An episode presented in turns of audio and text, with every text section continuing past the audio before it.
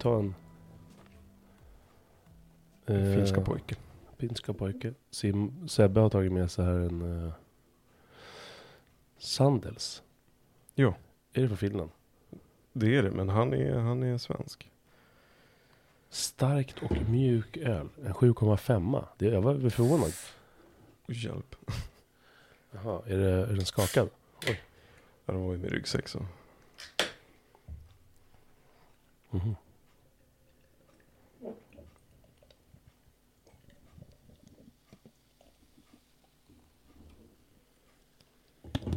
Vilket uh, avsnitt blir det här? Ja, jag vet faktiskt inte. Om, kan det vara 30? 29 kanske? Ja, jag vet inte. Något sånt. Men jag fattar inte. Då, då, då har folk suttit alltså från det här avståndet. Det är så jävla konstigt. Hmm. Det här måste... Med samma mickar. För de här heter ju någonting med podd. Så Mm. de är... Podmick. Mm. Ja, hallå. Välkommen Hallå till eh, Rubiks kuba. Jag som pratar heter Patrik Zettergren. Och eh, idag regnar det Mm. ute. Inte inne. Inte in. Okej. eh, skål. Eh, men satan. Skåla först. Skål.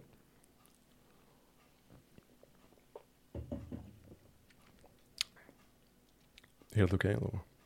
Jättegod. Mm. Det är nog sju och en halva. Mm. Den, där, den, där, den tar. Den tar. Som mordbrännan. Den tar fint. Det är söndag. Eh, vad är det för datum? Sjunde. 7 november Yes. 2021. Mm, det stämmer. Och här sitter jag med min vän Sebastian. Välkommen tillbaka till podden. Kul att du vill eh, säga hej. Hej gubben! Är gubben här? Gubben är här. Hej bubben.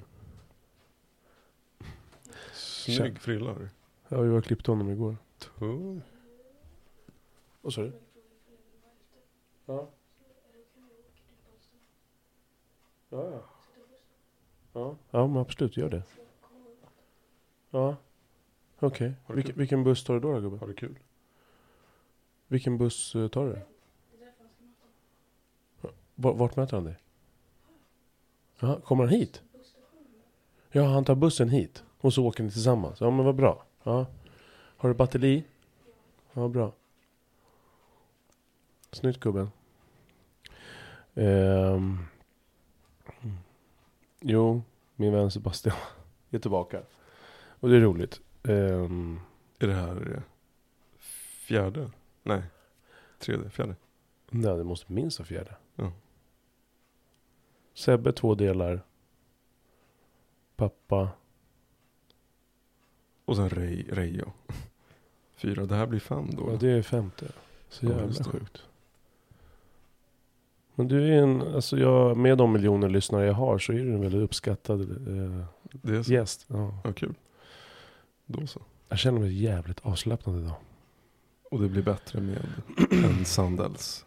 Ja, men ja, jag är lite trött. Jag är inte bakis, men jag är trött. Eh, men det var bara skönt att ha dig här. Det var länge sedan vi sågs. Ja, det var det faktiskt. Du hör mig även fast jag är så här. För jag, Jag hör dig. Fast jag viskar lite så här känns som. Och du hör mig. Jag hör dig. Och Har du kollat ljudnivån så att det här jag, blir bra? jag har kollat ljudnivån. Okej. Ehm, nej, men det det är höst. Mm. Hur känner du inför hösten? Alltså, du vet hur jag känner Mm. För, inför mör- hösten. mörkret. Ja, alltså det är... ehm, det är ju inte varje... Alltså förut var ju hösten en favoritårstid på ett sätt. Innan jag... eh, Innan jag blev pappa. Ehm, på något sätt så var det så här... Man kunde, man kunde på något sätt... eh, göra det mysigt på ett annat sätt. Än, eh, det är klart att man kan göra det mysigt idag med. Fast man har ett barn. Men, men det blir, jag vet inte, det blir, det blir lite annat för mig i alla fall. Förut så kunde jag sitta och spela tv-spel liksom. Um, sitta och göra musik eller vad det nu kunde vara. Um, man hade tid för sig själv på ett annat sätt. Och uh, då tror jag för min del att hösten, det var inte lika illa med mörkret. För att jag hade ändå så mycket att göra där jag inte behövde solljus så himla mycket. Um, men sen tror jag, jag funderade på det där häromdagen. Och uh, så här, sen jag blev pappa så, så, eh, alltså förut tyckte jag om att hänga hemma. Mm. Det är klart jag gör det fortfarande, men, men att någonstans de första åren med eh, dottern och sådär så, så, så var det ju väldigt mycket, vad ska man säga, vardagen vart ju, det var ju liksom ett enda uträttande hela tiden. Um, så här, hushållssysslor och eh, blöjbyten och sömnlösa nätter och så här. Så att på något sätt så blev det inte kanske egentligen lika mysigt eller avslappnande att vara hemma. Eh, så att jag tror 2000, vad kan det ha varit, 16 eller något sånt där så, eller 17 så åkte vi en vecka till eh, Mallorca då. Eh, och så bara, det är klart man har varit utomlands flera gånger men på något sätt det, det tillfället när dottern var kanske tre eh, och vi åkte en vecka så tror jag att det var all inclusive liksom. Um, och så bara fattade jag varför man åker utomlands. Det var liksom första gången jag förstod någonstans att jaha, just det. Alltså man åker ju för att slappna av egentligen. Um, som sagt, förut för mig så var det ju att när jag var hemma så, så var det ju så här. Jag, jag trivdes att vara hemma. Men till slut blev ju det att det var så förknippat med uträttande, liksom. Eh, ekorrhjulet och vardagen. Eh, så att det var skönt att komma bort. Så, så jag tror att till slut blev det att eh, jag kanske förknippade positiva saker och avslappning och så här med eh, sol. Så jag vet inte om det kanske mer och mer har blivit med, med åren för mig att, att jag, eh, jag behöver solen liksom på ett annat sätt. Nej, jag vet inte. Mm. Något sånt där. Ehm, men sen går det ju från, från eh, den ena hösten och vintern till en annan. Alltså, ibland så är det ju mörkret är jobbigare än, än eh, andra höstar och vintrar. Nu känns det som att jag svamlar en massa. Nej, det gör det inte alls det. Ja. Men hittills har, eh, har den här hösten varit helt okej. Du hade det ju tungt eh, förra året så att eh, jag Mm. vet att då var, du- Mm. då var du nere och låg. Så att jag hoppas att det inte blir lika i år då. Men det... eh, Ja. Och sen, sen är det, jag gillar ju hösten som fan. Fast jag har haft svårare och svårare att acceptera att det blir höst efter sommaren liksom. Mm. För att sommaren är så nice och det. ja du vet jag gillar ju att stå ute och laga mat och grejer. Och allt Visst. sånt där är ju enklare liksom. Mm. Ja, men sen så gillar jag ju julen sin i helvete. Och den firar ju inte du. Nej, Eftersom att du är muslim. Och, eh, jag är jude. ja just det, jude. Nej, jag firar jud. Nej, judarna. Scientolog. Scientolog. Vilken av sekterna är det? Ja. Eller som en kollega sa till mig som, som inte gillar Apple. Han kallar alltid Apple för en sekt. Så ja, att, eh, alltså, men det är ju lite sektliknande. Alltså. Om du har sett de här, eh, alltså hur, uh, där de ska visa upp någon ny produkt. Alltså de här eh, klippen. de bara står och Ja, ja men det är liksom, Ja, exakt. vevar med händerna i luften. Och, Typ så. över att han står där framme och visar nya Mm. produkten. Ja. ja, nej men, men så julen är ju, jag ser jättemycket fram emot julen nu. Det var ingenting jag tänkte på för månaden sedan, men nu när, när det liksom fan, det är fem, sex veckor bort, så är det jul. Det känns så jävla Ja, det konstigt. går fort alltså. med tanke på hur snabbt det går. Mm. Och snart är det, är det två år sedan? Hjälp. Vi träffades, när, när, det var ju förra, nu, är, nu är jul är det två år. Vi träffades ju före, före julen. Ja, exakt det. Mm. Och den behöver vi inte dra en gång till. Nej. Utan, eh, ja nej men det, Tiden går fort. tiden går fort sin i helvete. Mm. Hur är läget? Det är bra. Jag... ehm, jag blir så jävla... Ja, den här ölen, jag, jag gör ju sitt också men... men nej, det är bara... Det är kul att du är här. Jag har saknat att ha dig här hemma. Mm. Eller nära. Så det är skönt att höra din röst igen. Detsamma. Tiden, alltså det är så här, veckorna går... Det går så jävla fort. Så att det, det är... Och, och på helgen vill jag gärna vara hemma och liksom så här. Och man märker att jag väljer bort saker, vilket är bra. Eh, men apropå familjeliv så är det... Så...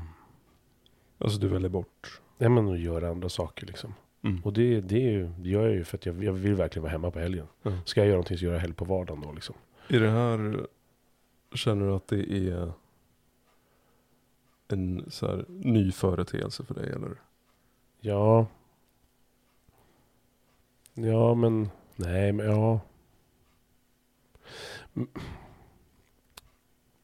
Ehm. Mm. Hmm. Mm. Nej, det, men ni för det, ja, men alltså det, ja, men det har sina skäl. Men det skiter vi nu. Men, men eh, Mm. jag... Ja. Nej, men jag vill vara hemma mycket. Ja. Eh, och mm, det är skönt bara att um, ha dig nära och ändå kunna träffas så här som vi gör. Mm. Det är värdefullt bara. Så jag blir bara lite känslosam kring det bara. Det är roligt att ha det här. Det är fint att vara. Och för att livet också är jävligt kort och för att jag på sista tiden har tänkt jävligt mycket på döden. Mhm. Vi har ju pratat om döden många gånger du och jag. Yes. Och eh, jag har ju sista året så här känt hur det faktiskt på riktigt har lättat. Jag tänker Mm. inte att oj, det här kan vara sista gången jag säger godnatt till barnen.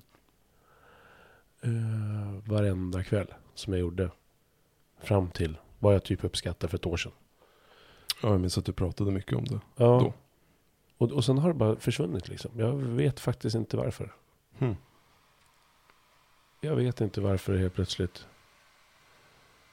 Uh. Gumman. Min sambo hon blåser håret där uppe. Det hörs. Zzz. ja nej men. eh, har det bara försvann. Jag, jag vet inte varför. Men fram till för ett år sedan så, så var det där så jävla närvarande. Och vilket gör att nu när jag väl tänker på det så blir det ännu jobbigare än vad det var då när jag tänkte på det så mycket oftare. Så jag, jag, jag kan inte svara på vad det är som har gjort att jag har tänkt mindre på döden. Men det har känt mig mer bekväm. Jag har känt så här, men ja, ja, men det är ju som det är. Du vet ju om det här. Det ligger där i bakgrunden hela tiden. Mm. Men du-. Men du behöver inte, du behöver inte gå djupare än så. Du, kan, du vet om det liksom. Försöka någon, någon slags kont- omedveten kontroll över att inte tänka för mycket på det. Men, men så nu har det bara kommit upp sista veckorna sådär. Och det slår mig, det bara slår till så jävla hårt ibland och bara... Fuck, det är liksom, det är ingenting mer sen. Alltså av allt jag vet av dem, av, av, som jag kan bedöma, så är det liksom svart. Eh, kanske hade det att göra med min eh, fina granne. ehm, Mm, som gick bort. En gubbe här som, som bor, bor här som, som vi har haft det fan liksom jävligt kul ihop och, och han var 68 bast och vi har krökat ihop och druckit HB och vi har eh, gapat och skrikit och, och, och skällt på varandra och, och varit ovänner och man blir vänner och han är världens mysgubbe liksom. Ehm, världens mysgubbe. Och han gick och dog. Så var på begravningen med, mm, där och då för en månad sedan och sådär. Så jag, jag vet Mm. inte om, om det satte igång någonting. Så här. Är det efter det liksom du upplever att... Ja men nej men det var bara men det var en tanke som slog mig nu att om det har någonting med det att göra kanske, jag vet inte. Mm. Men ehm,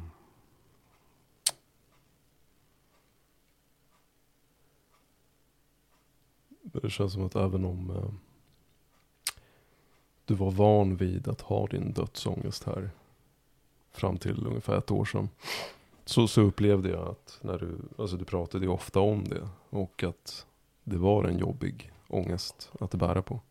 mm, Ehm, men du tänker alltså att nu när du får, alltså när det kommer tillbaka så känns det så större i och med att du Mm. har haft. Ett uppehåll på ett par Ja. dagar kanske. Jag har ju tänkt på det, men inte så aktivt. Förr tänkte jag på det 50 gånger om dagen. Ja, När som helst dör jag. Mm. När som helst dör jag. Mm.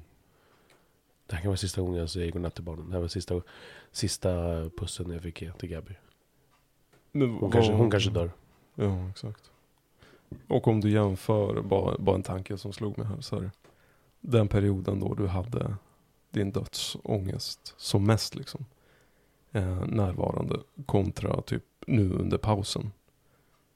Alltså vad, vad, vad gjorde det med dig då när du hade en ständig dödsångest och nu när du inte har haft det? Jag tror att jag, och vilket har en negativ inverkan, men ännu mer. Du vet ju hur jag är när det gäller liksom att konsumera alkohol och mat och kött och, och sådär. Det, för mig är det verkligen så här.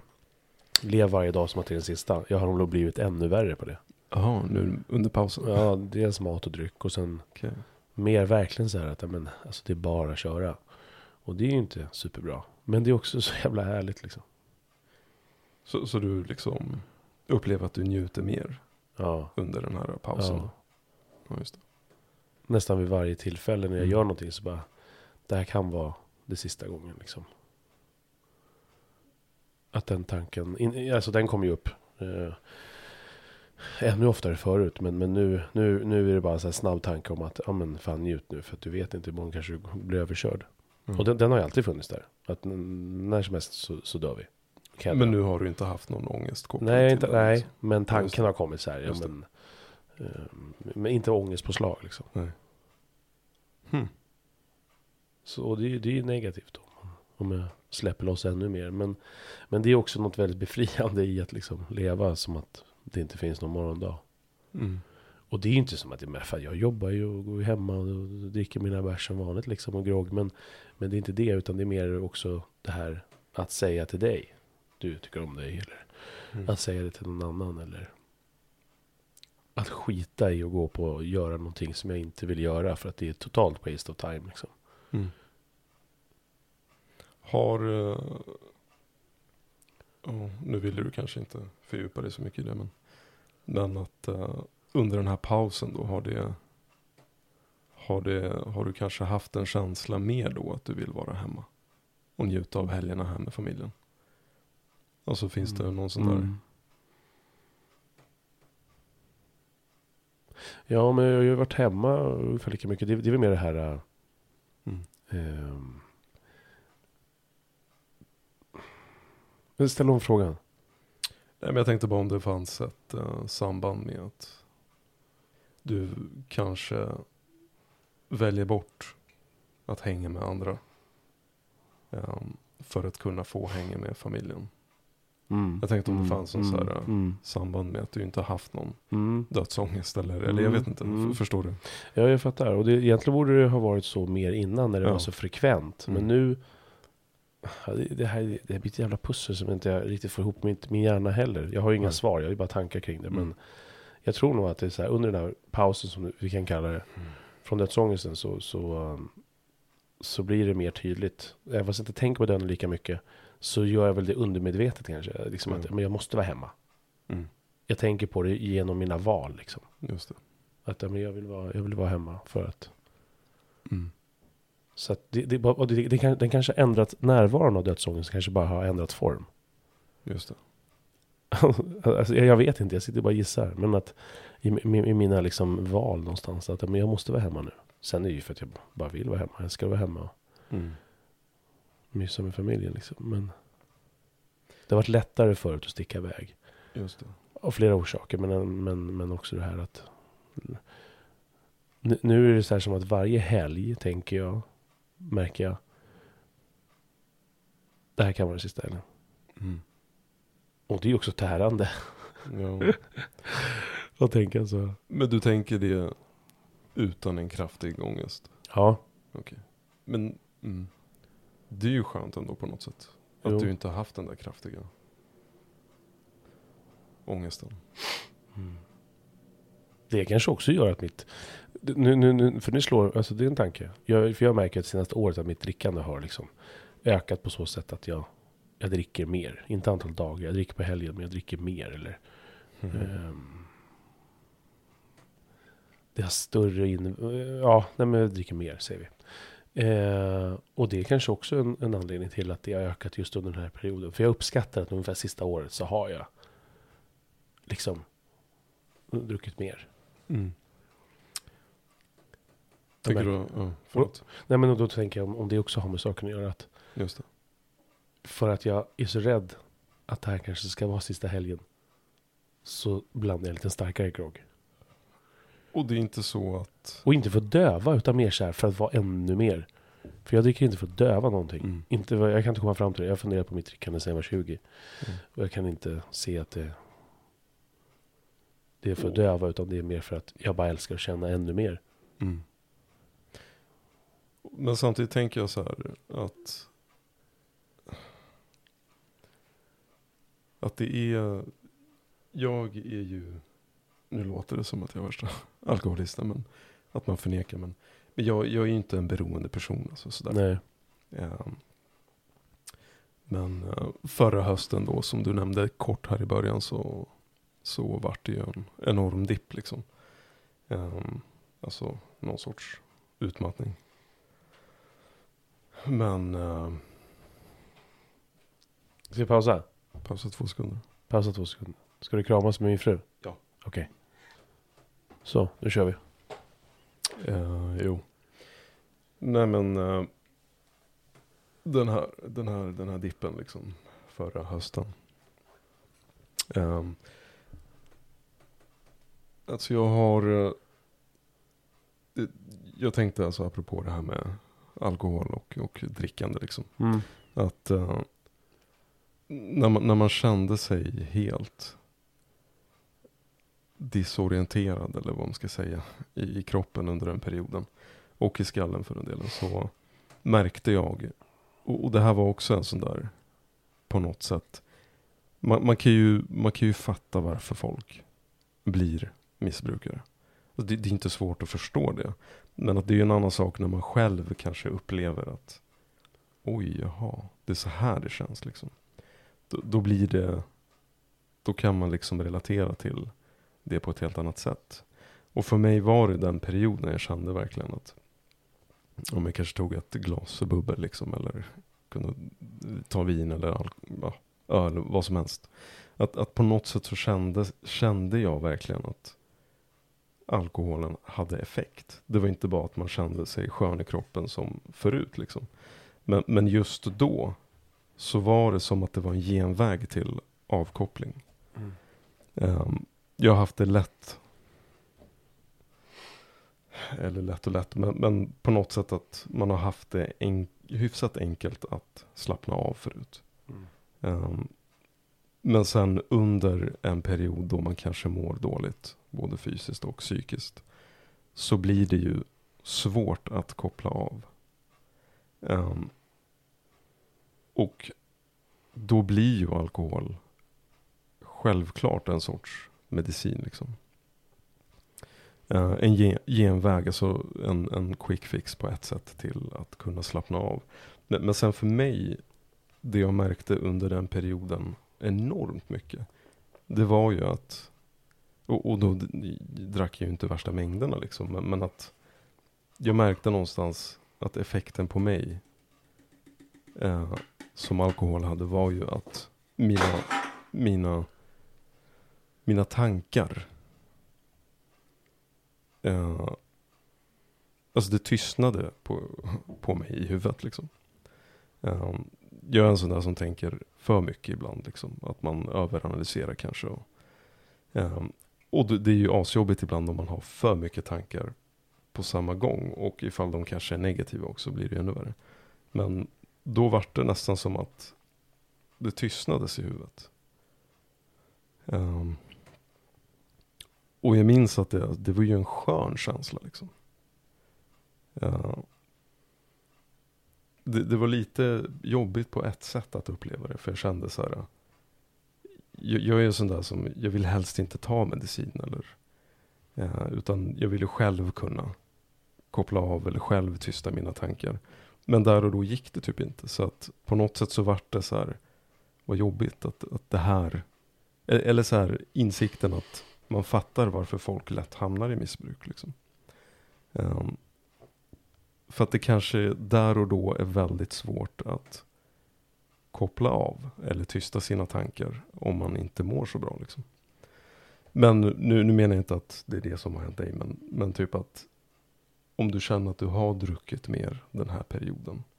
Att, så här, vad, vad, vad känner du effekten av alkohol är på dig? Alltså är det typ, för att du är ju också en sån där som tänker mycket Och analyserar och funderar och tar sidospår. Och,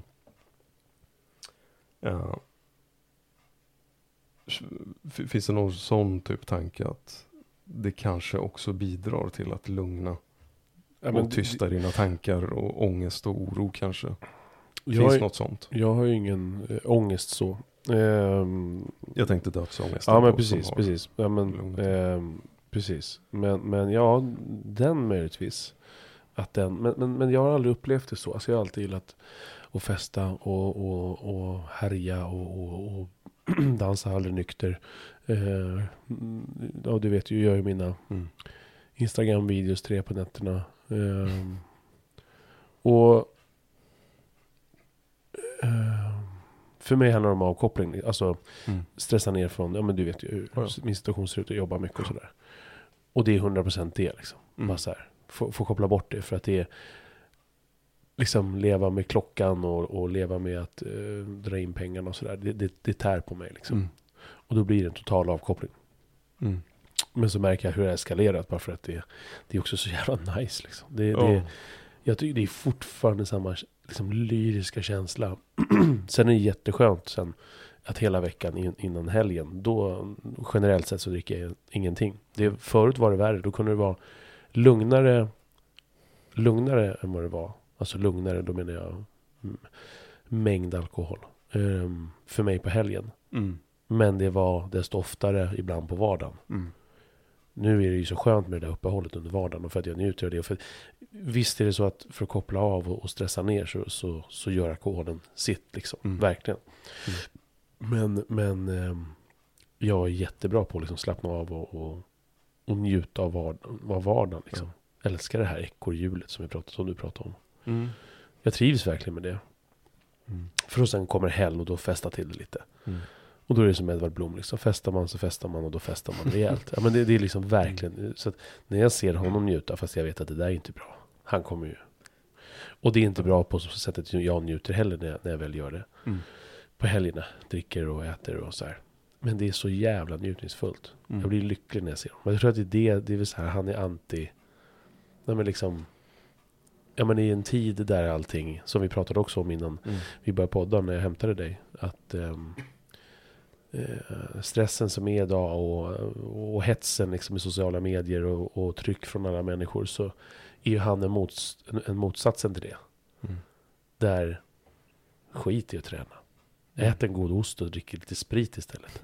Och det finns någonting som är såklart i långa loppet. Vi säger så här, skulle vi kunna göra det utan hälso...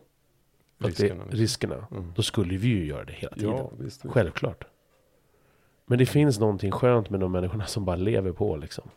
Och bara så här, nej men fan. Och för att återigen det här med dödsångesten också. Mm. Där kommer den in på något sätt. Såklart. Vad fan har jag haft? Det är klart att jag vill ha en bra hälsa. Det är klart att jag skulle vilja ha en bättre kondis. Det är klart att jag skulle vilja liksom. Men det är lugnt gumman, du behöver inte smyga.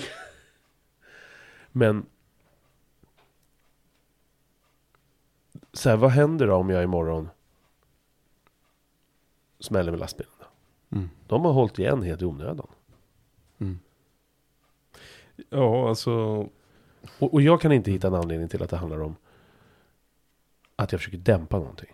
Jag har någon Mm. lit, en liten, liten del av den här kakan som har med alkoholen att göra. Kan vara dämpning. Någon form. Men i det stora hela så handlar det för mig om stress. Och jag kanske ljuger för mig själv. Kanske...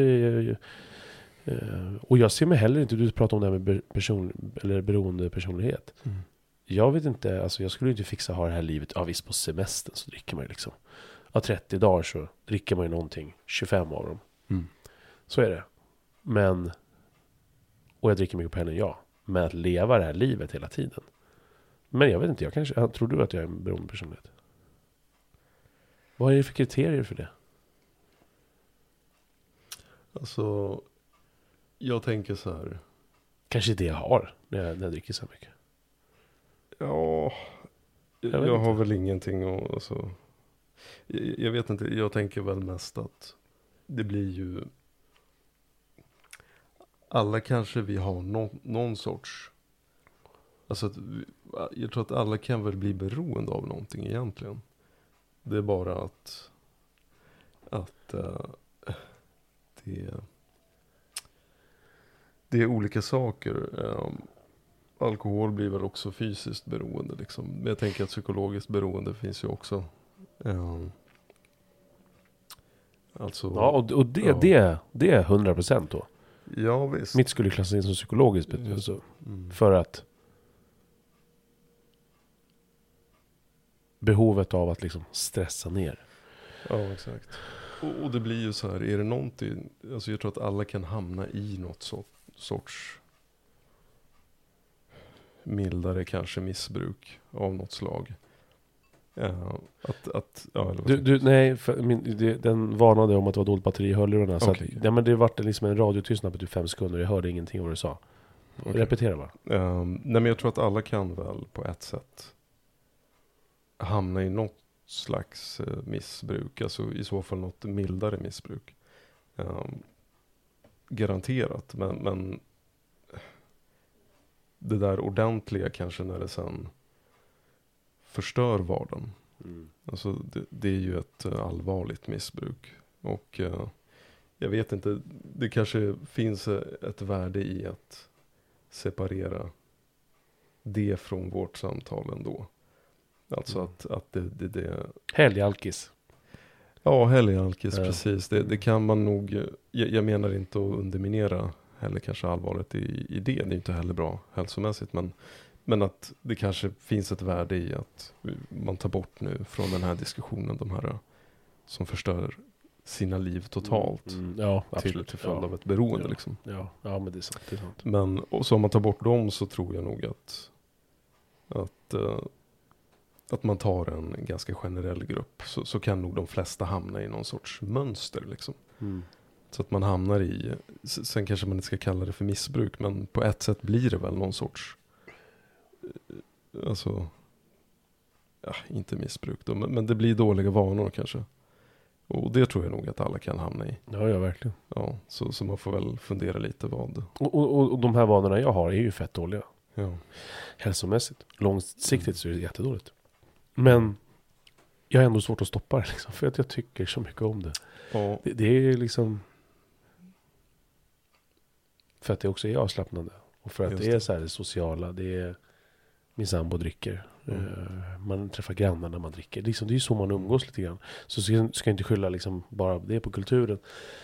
Eller på min omgivning. Men, men att så, det, det är ju onekligen så spelar det också in.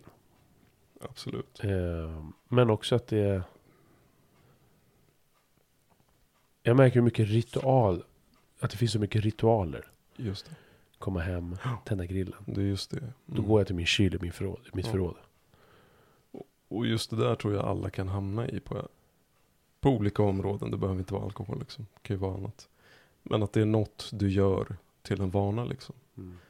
Eh, och, och sen tänker jag att det blir ju svårt kanske att, att bryta en sån vana eller att få motiv, motivera, alltså att bli motiverad att bryta en sån vana ifall det, det inte är direkt negativa konsekvenser av det.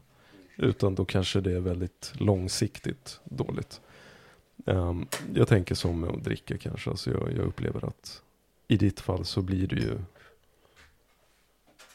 Alltså det är ju inte direkt negativt. Du blir inte våldsam eller Nej. odräglig eller ramlar omkull. Så, så vitt jag vet i alla fall. Ja men det händer Ja, ju att jag exakt. ibland ramlar. Ja. Men, Men, men liksom att det men då är man ju riktigt full liksom Ja. så. Men ja.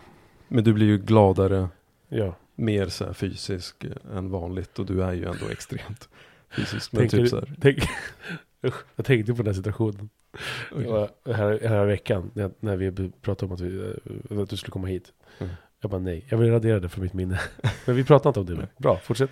Eh, så Jo, men mer fysisk. Jo, jo. ja, typ att man blir kanske mer glad och mer positiv och så här. Att det, det förstärks sånt som ändå är ganska positivt.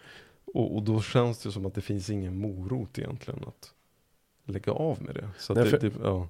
För, förlåt, men bara apropå det här med, med fysiskt. Det är också en grej att, som jag tänker i mitt fall, att många blir ju väldigt personlighetsförändrade. Jag blev personlighetsförändrad när jag var yngre. Alltså Mm. det, det, var, det fick jag liksom höra då. Ehm,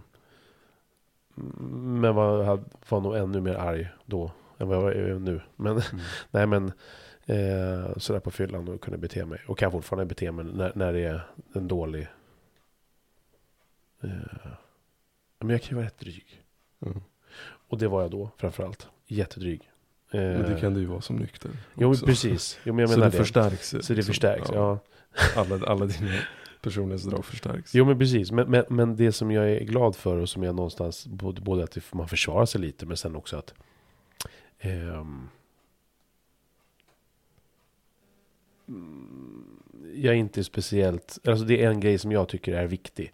Det är att de människor som är återhållsamma som fan och sen så tar de några glas, då helt plötsligt så bara, oh, ser det som en problematik om jag hade haft den konsumtionen som jag har. Mm. Och alltså då, då, då, så tänker jag att, ja men fan då, sam, samtidigt som jag förstår de människorna också, för de, de behöver dricka för att kunna socialisera sig. Mm. Det behöver inte jag, men, men, ja, det, men det är bara, det, det, jag säger inte att det, det här är någon, någon sanning, utan det är bara en tanke jag har, att Mm. jag är glad att åtminstone det inte handlar om att, eh, för det som finns där, det, det finns lika mycket, nästan Mm. lika mycket nyktert. Och det tycker jag bara är en viktig grej, för hade man varit ett, ett, en- ett helgfyllo Mm. som aldrig kan säga, någon, säga ett knyst. Men sen kommer allt ut. Mm. Eh, det hade känts mer som att eh, då, då behöver man dricka för att kunna vara sig själv. Liksom. Ja, Jag är mig själv lika mycket, precis. onykter som nykter. Mm. Men självklart så förstärks saker. Så är det. Ja, och, och det är väl det jag tänker så här. Det, det, bara för att det inte finns någonting kortsiktigt direkt kanske jättenegativt med drickandet så betyder det inte att det är bra heller. Men, men då är ju kanske hälsoaspekten det som är det dåliga, liksom det negativa. Och, och jag tänker så här, det kanske är svårt att att göra det till någonting konkret om, om det är väldigt långsiktigt. Det är ju så. Och jag tänker att ja, men det där med hälsa, liksom, det, ja men barnen blir större sen och så försvinner de. Eller försvinner. ja men så kanske de flyttar hemifrån såklart. När de blir stora nog. Det är tio år kvar. Men då. Jag, jag kan ta tag i det då. Men då kommer tanken. Det där som jag alltid hört. Det är svårare efter 40. Bli av med kilon. Ja, jag, jag vet inte. Jag, jag pratade med en eh, kompis om det där och han, han, eh, han har koll på rätt mycket grejer. Um, Ska du dra gubben? Okej. Vad... Kommer han till bussen eller? Okej. Har du med dig luren? Har du batteri? Har du mössan? Har du jackan?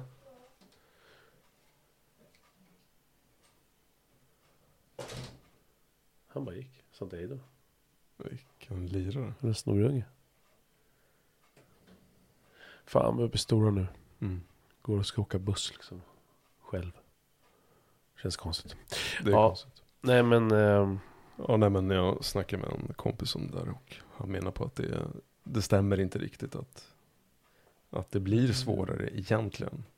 Det är mest kanske att det handlar om vanor. Det, alltså, och hur du har byggt ditt liv, du har Mm. dina rutiner och så att skulle man sätta igång bara. eh, alltså problemet är snarare kanske att man bara rör sig mindre. Än, mhm. än man gör när man är 20 25. Tröstande. Ja. Jag kan ju kröka på som vanligt. Nej, men- men, nej, men ja. sen finns det ju en, det, det är ju om du snackar om kilorna. Men sen kanske påfrestning på lever och eh, andra organ, Ja, det är ja, något annat liksom. Är det. Det, kanske blir tyngre med åldern, jag vet inte. Min läkare sa ju så här, men vad fan Patrik, du, men jag säger inte att du måste sluta dricka, jag berättar min situation liksom så här. För jag gjorde en, ja, hade problem med grejer för, för ett år sedan och det var liksom, allt det handlade just om, om, om motion. Jag hade problem med, jag hade så här, trängning i urinröret och hade ont i, i, njurarna där bak. Och jag gjorde röntgen och skiktröntgen och sett hela Mm. med invärtes och hittade ingen cancer, ingenting. Eh, på de bilderna. Eh, men men eh, det handlar just om rörelse. Liksom. Ja, men Mm. Det här är förmodligen, pröva att röra mig. Så har jag ju börjat röra mig mer då. Liksom. Mm. Eh, och då försvann ju problemen. Så att som nu efter sommaren när jag inte har, har rört mig lika mycket under sommaren så började det komma tillbaka under hösten. Nu har jag börjat tänka på det, gå med promenader, då försvinner det. Så jävla sjukt. Men det är väl det att jag sitter mycket ner och sådär. Eh, Ja. men att...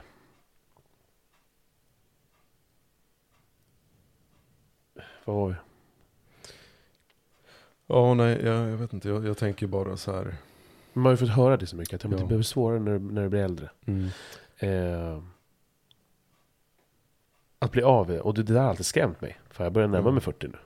Så blir jag såhär, fan du måste jag ta tag i det här nu. Mm. Men samtidigt så vet man ju massa människor som har varit såhär 40, 50, 60 och gått ner. Liksom.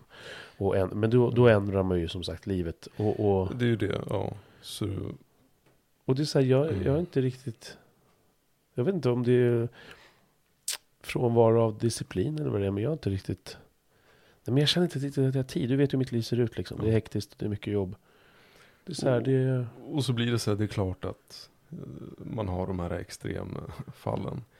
Eh, folk som ja, men kör lastbil och så kan de träna. Och så kan de lägga in liksom träning eh, under dagen flera gånger. Men, men det är ju också så här, jag vet inte om det är så hälsosamt. Och, eller ja, de verkar, de, de mår säkert jättebra. Men jag tänker så här, det är inte så lätt kanske. Att, eh,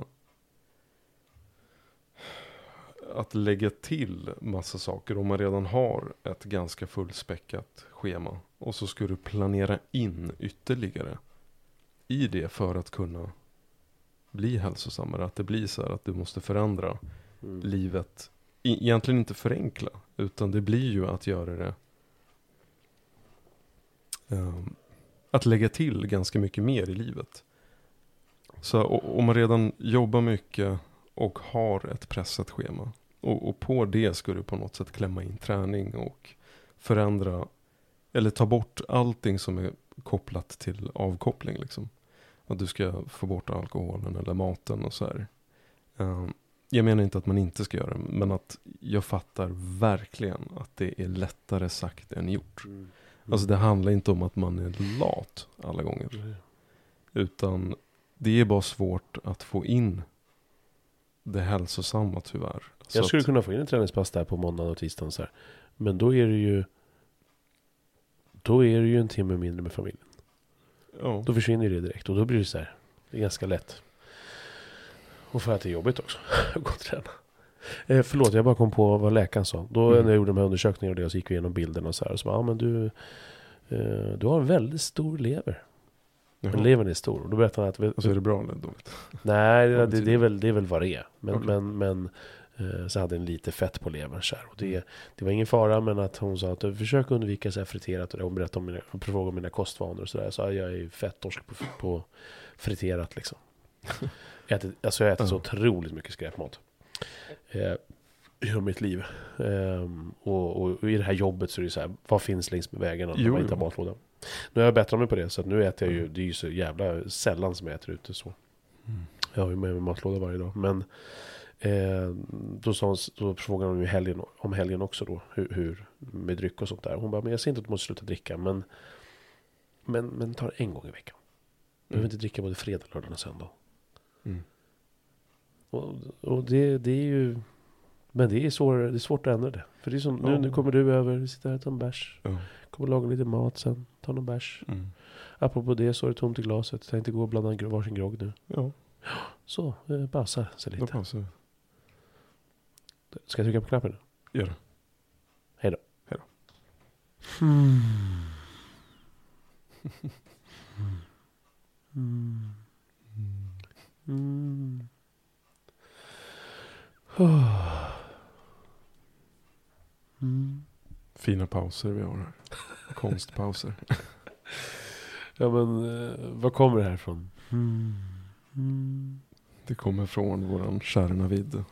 Ja just det, ja men det var det. Hur ja. kan vi? Ja. Ja men ja, just det. Så var det något avsnitt med, vad hette hon? Ja, Pamela. ja von Sabliard. Ja. Ja hon är ju cool. faktiskt. Men det är lite mycket. eh, det är mycket. Mm. Ja hur som helst. Uh, nej men jag bara tänkte säga det där med. Ja, vi måste sluta prata alkohol nu. För vi, jag pratar så mycket om det. Men. Och det, då tänker jag att folk kanske tänker så här. Ja men ja, om du pratar så mycket så är det uppenbarligen tankar du har. Men. Sen är skillnaden också att jag, jag tycker, ja men dels vill jag ju Rubiks kuba kring det, men också så här. Jag är ju öppen och ärlig om det. Hade, hade jag kompis som sa till mig så här, men vad fan. Jag berättar det här om att jag vill, jag gillar att känna mer. Bara, men Patrik, du, du sköter ditt jobb. Du sköter din familj. Du tar hand om dem.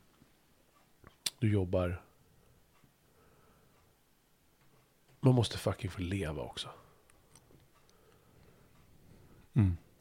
Sa min eh, goda weedrökande kompis. Fre- nej, Freddan. Nej, vad heter han? Ja. Ja. ja men alltså, mamma, mamma, du får ju fan... Du måste, man måste ju få, få slappna av liksom. Sen att det inte är bra. Han bara, nej men det, det där, den där mängden du dricker är absolut inte bra. Men, Mm. ja, men jag försöker ändå se, det är klart att det är lite försvarande också kring det. Men Ja, jag försöker någonstans här, bara, jag försöker också så här, någonstans bara skippa den moralismen. Det är så jävla, det är väldigt komiskt. Att vi som det mest högst drickande landet i världen typ. Har sån jävla moralism kring det vi själva håller på med. Fast vi gör det i smyg och inte pratar Mm. om det. Men, ja, precis. Men det känns ju som att vi, vi har ju också... Uh, alltså det är ju det här helgdrickandet. Det känns ju väldigt svenskt ändå. Um, du har det här medelhavs... Uh, förhållningssättet till alkohol. Du, du dricker utspädd vin liksom till din lunch ungefär. Alltså det, det, det finns inte samma, vad ska man säga?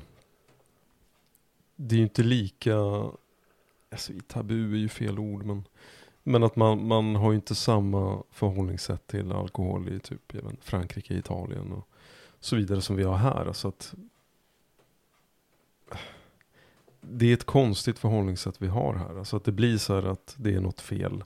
Det är konstigt att dricka en tisdag, men sen är det fredag, då kan man Jo, då ska du dricka så mycket så att Ja. du, du är helt borta hela söndagen. Så Ja. liksom. Och det är också så här, det är något jag har tyckt.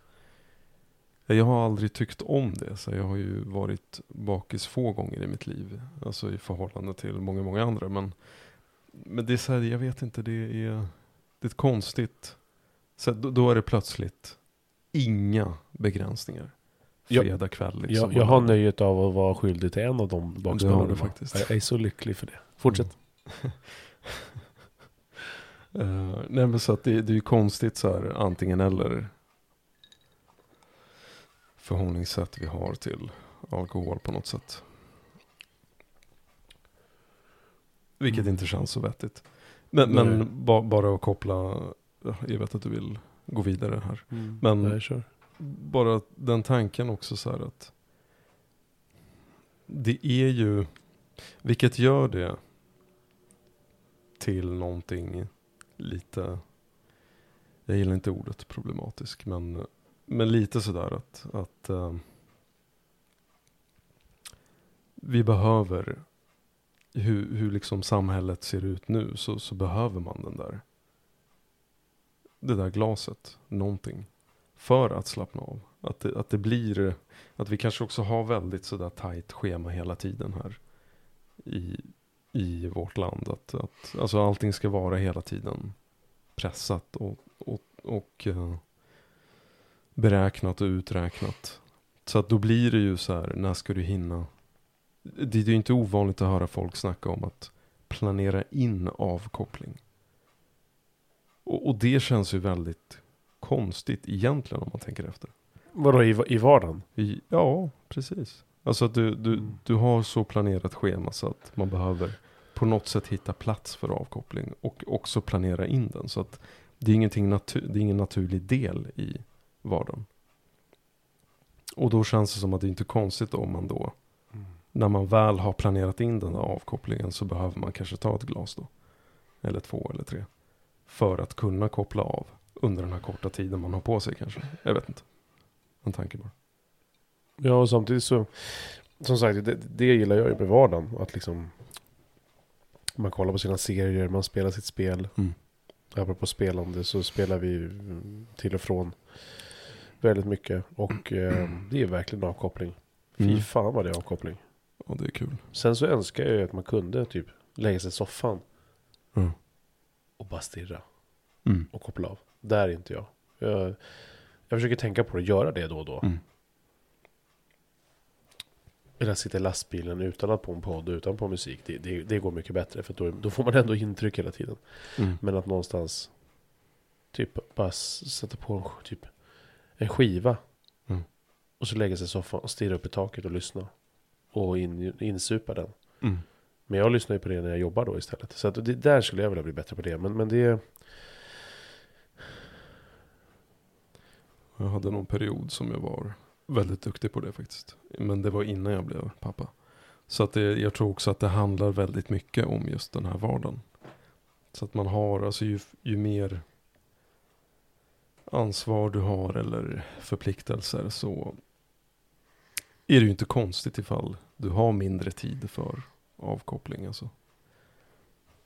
Men du har ändå behovet. Alltså behovet försvinner ju ingenstans. Och då känns det ju enklare ifall du kanske tar då en genväg liksom till avkoppling.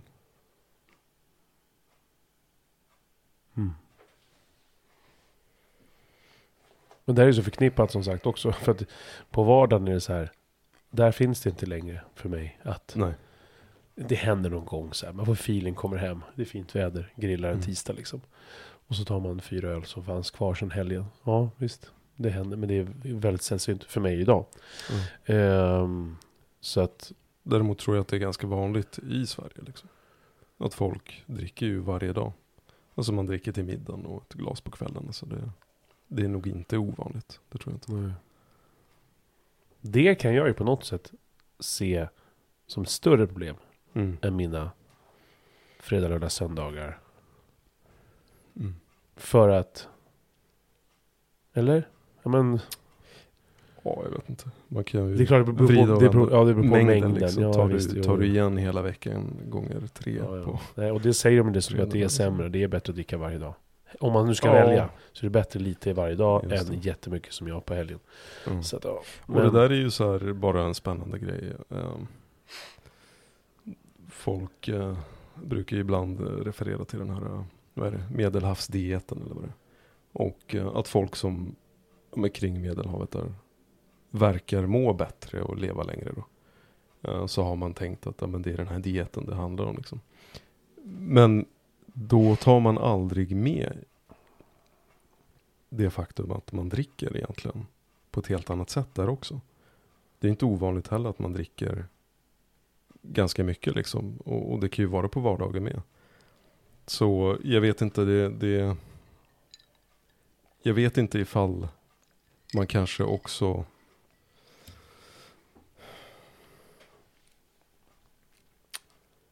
Det, det måste ju inte vara dåligt att dricka. Det är klart att det handlar om mängderna liksom.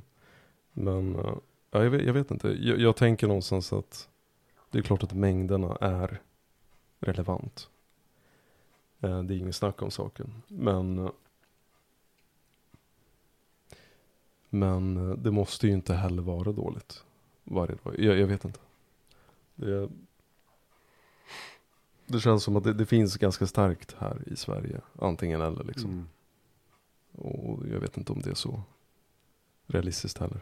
Jag är trött på det här moraliserandet. Jag förstår ändå att folk liksom kan ju prata med mig och säga att ja, shit vad du, vad du verkar festa på liksom. Och det, det, det är väl i många gånger av kärlek för att man bryr sig. Men, men Mm. Det är också, jag tror att vi har, vi har så lätt till hands att komma med pekpinnar. Eh, Och det är ju trots allt ganska ironiskt med tanke på att vi vi har det i folksjälen liksom. Mm. Mm. Du, ehm, jag har såna här chilinötter. Mhm. Det är jag väldigt sugen på. Jag gillar inte dem. Min fru däremot, hon, eh, hon liksom, Ja, ta bort hon är, som en, skalet. ja, hon som en gnagare. Så hon käkar bara skalet och lämnar nöten. Den, den tar du då? Förut gjorde jag det, men men inte längre. Varför förut men inte nu? Eh, jag vet inte. Man var kär på ett annat sätt. Jaha, du menar du vill inte... Jag älskar henne men Idag vill du inte ha slemmet? ja, typ så. rosa, rosa glajjorna är inte kvar på, på huvudet. Vadå då rosa? Alltså de här kärleksglajjorna. Ja, ja, ja. ja. Ja, det rosa har gått över till något annat. Apropå Ja, det, någonting djupare och, och helt klart. Det är, det är bara en superkort parentes. Men, men apropå familjeliv och åren går Mm. och det går fort. Och det är verkligen någonting nice. När det, Mm, jag vet när jag var yngre kunde man så här längta efter. Man hör kompisar som pratar om att de liksom den där jakten och träffa någon ny och så vidare. Mm. Nu när jag börjar närma mig 40. Tillsammans med min. Hon är inte min fru men jag säger fru. Mm. Eh, så, så är det något helt annat som är så jävla värdefullt som, Mm. som tar så många år att få ihop. Som gör det helt jävla ovärderligt. Och sen när man är ungar ihop, man har Ja. uppfostrat ungar som, som är snart tonåringar. Och, eh, det är ett värde som, som inte går att liksom hitta Mm. i något nytt. Liksom. Så att, eh, inte för att jag, det är ingenting jag går och tänker på då så, men jag vet inte, när jag var Mm. yngre så kunde man liksom så här Mm. Men så det, det är också lite sorgligt att det är en svunnen tid när man var ung och så, och så kanske man liksom träffade, bytte oftare än vad man gör när man är äldre. Men, men det, är, det är så jävla fint liksom. Ja, jag tänker så här. Man kan ju fatta, alltså det, det är klart att det finns en känsla av att aldrig mer uppleva den där första förälskelsen och, och, och kärlek, kärlekstiden liksom. Men ju mer man investerar i en relation så är det ju precis som du säger, alltså det, eller det är ju på grund av att man har investerat så mycket. Alltså man har ju testat varandra. Så vi, vi har ju varit tillsammans sedan 2006 liksom. Det är ju helt bisarrt. Ja, det är galet. Det, det är helt bisarrt egentligen. Och man har ju haft, alltså det har ju varit en berg och dalbana. Men, men det är helt sjukt alltså. För att, och, om man tänker, jag vet inte, ibland, ibland går ju de där diskussionerna om, eh, f- alltså, vad heter det, flersamhet eller vad de kallar det för. Men, men och, och jag vet inte så här, jag fattar Vadå? folk. Ja men att man kanske vill ha, alltså någon sorts vad heter det, att man är polyamorös eller vad heter det? Vad är det? Ja, alltså vet- du, du vill ha fler partners liksom. Jaha, okej. Ja, och, och utan att gå in på det nu alldeles för mycket. Men typ så här att det, det är det är ju det är någonting spännande med som man har haft en och samma Mm. många år. Alltså att det förenklar ju väldigt mycket. Om man tänker efter. Alltså, jag menar så här, Under förutsättning att man väl känner varandra. Absolut, Mm. garanterat. Men, tror- men det krävs ju också jobb för det liksom. Jag tror jättemånga inte jobbar. Jag tror jättemånga, såklart man lär känna varandra. Men jag tror Ja. att supermånga inte lär känna varandra på djupet så som jag Mm. som jag upplever. Och det, är- det är så eh, jävla värdefullt. Och sen så är det någonstans här det här med det jag har tänkt jättemycket på. I och med att jag och min lilla smula eh, hur, hur vår relation har varit så så det här med att liksom vara nykär och sådär. Jag, alltså, jag har noll. Liksom så här. Åh, det skulle jag vilja uppleva igen. Mm. Jag, jag har verkligen ingen, ingen, ingen inre dragning till att det är någonting som jag skulle vilja. Utan det, det, det är ju snarare att alltså det, det som en lång relation ger är så pass värdefullt. Mm. Om den utvecklas. Om man går åt samma Yes. håll.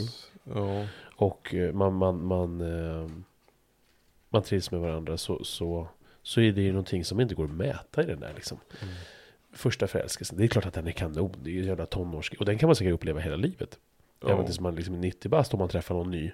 Ja. Absolut, det går säkert att hitta jämt. Men Mm. det är den, den där tryggheten liksom. den är enorm. Men sen tänker jag någonstans så här att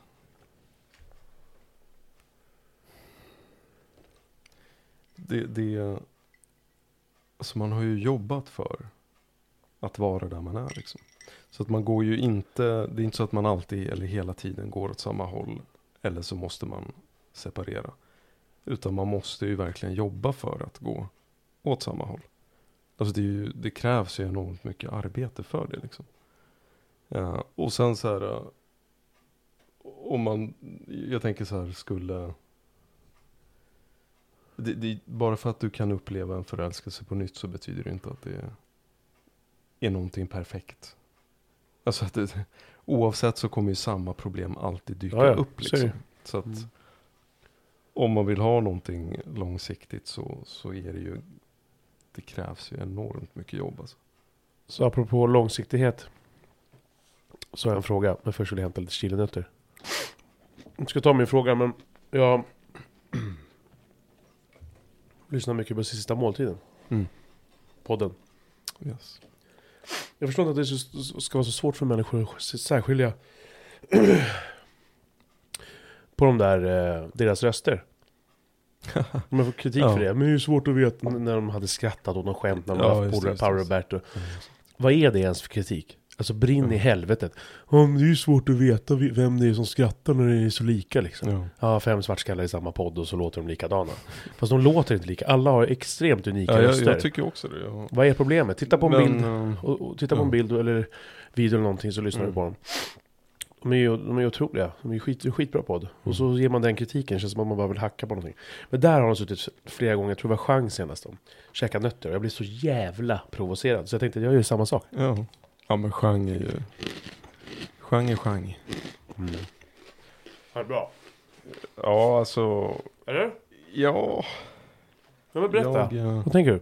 nej, jag vet Eh, Han är rolig alltså, men... eh,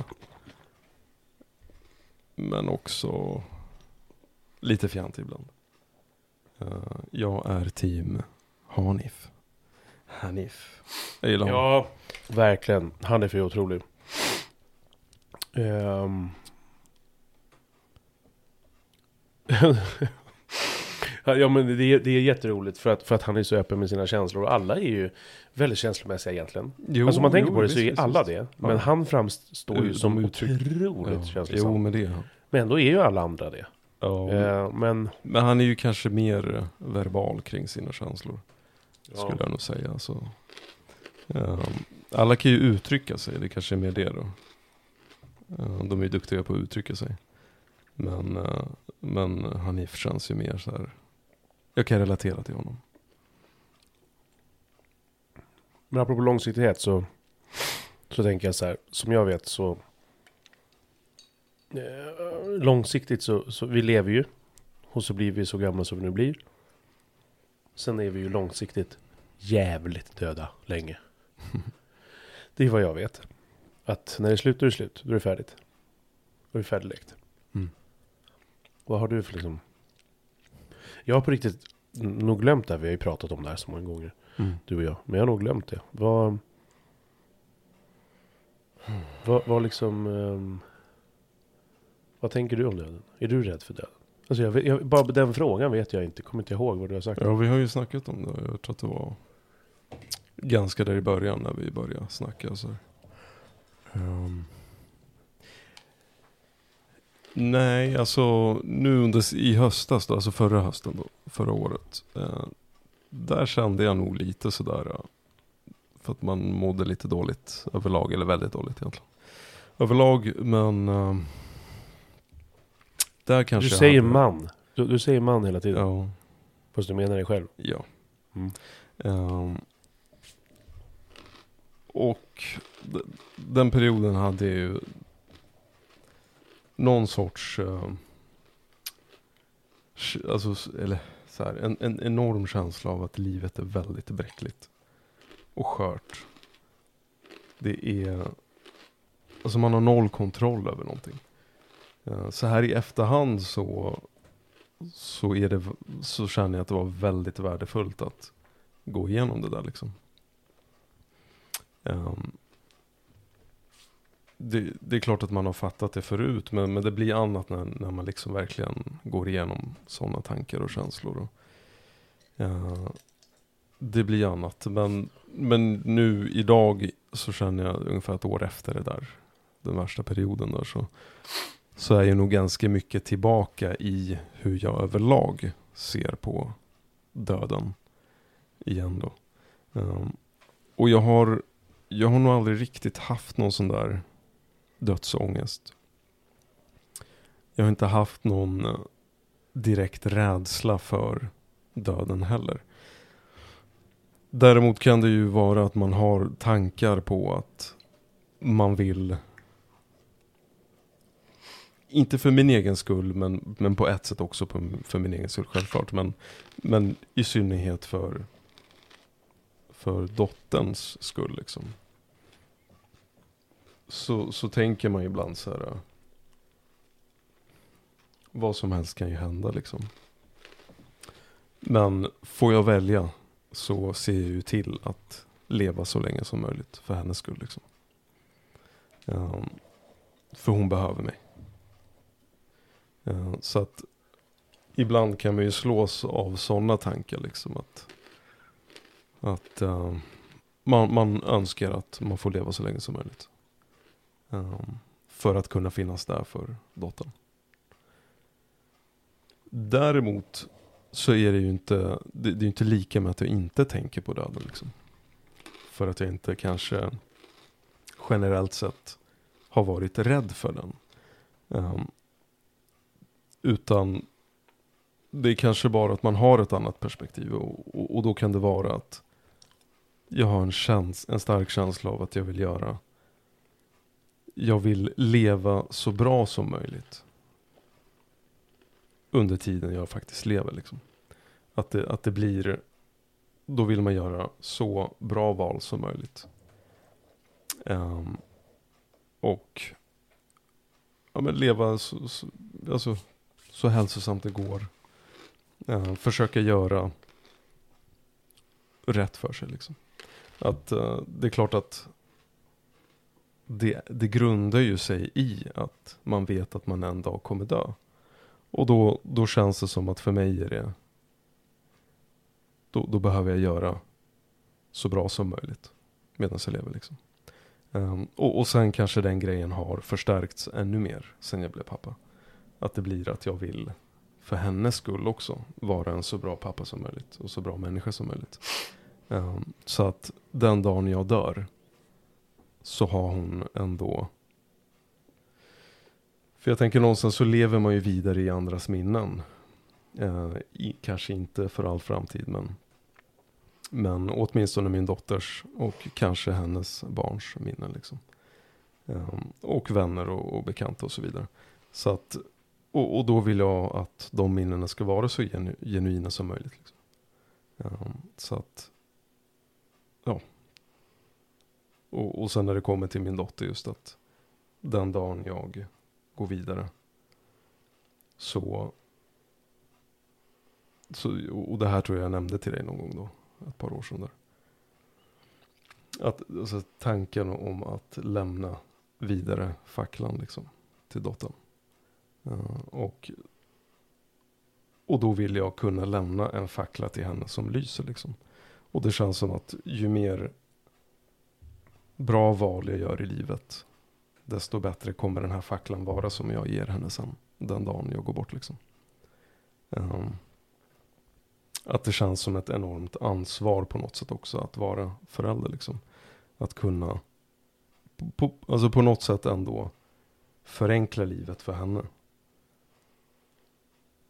Alltså under tiden jag lever men också sen på något sätt. Um, efter min bortgång liksom. Så att jag har gjort sådana val så att hon inte ska behöva lida för mina val. Liksom.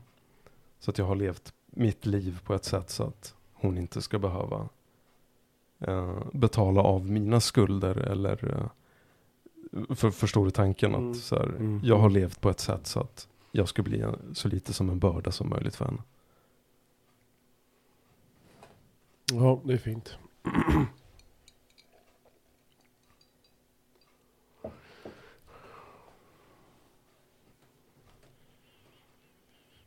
Det som kom upp i mitt, mitt eh, huvud när, när du pratade var så här.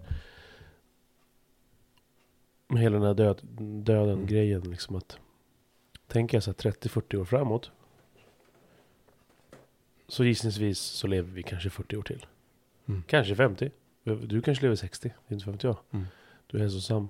Beroende på, beroende på vad du har för gener och så vidare. Mm. Men sen så, så och förhoppningsvis så kommer vi känna varandra tills vi dör. Verkligen. Eh, sen, kom, sen är det slut liksom. Och sen så, så kommer vi leva kvar i minnena. Hos våra barn och barnbarn. Kanske barnbarnsbarn. Men det som skrämmer skiten ur mig är liksom att... Och det här också under den här, den här pausen som vi kan kalla det, under det här året. Som jag har tänkt mindre på det här, men som jag börjar tänka mer på nu sista, sista tiden. Sista tiden. Eh, det är ju det att sen är det liksom aldrig mer. Jag försöker tänka så här att jag dör om tio minuter. Mm. Det är aldrig mer gå ut i den där grinden. Det är aldrig mer sitta här med dig. Det är aldrig mer käka chilnötter. Det är aldrig mer se barnen. Mm. Aldrig mer kunna hjälpa barnen. Aldrig mer känna vinden. Alltså det, är- det är så jävla skrämmande så att det är... ehm, just det, aldrig mer liksom. Och jag har ju samma tankar att... Eller liknande tankar. Ehm, jag vet att jag inte gör de bästa valen alltid. Men jag tycker att jag gör så gott jag kan. Och eh, vill ju också liksom veta att de ska klara sig. Och jag försöker tänka så här. Okej, vad har jag gett dem hittills då? Om jag dör Mm. idag. Ja, på mitt säregna sätt så har jag väl gett dem det jag försöker ja, ge dem liksom. Någon slags styrka i att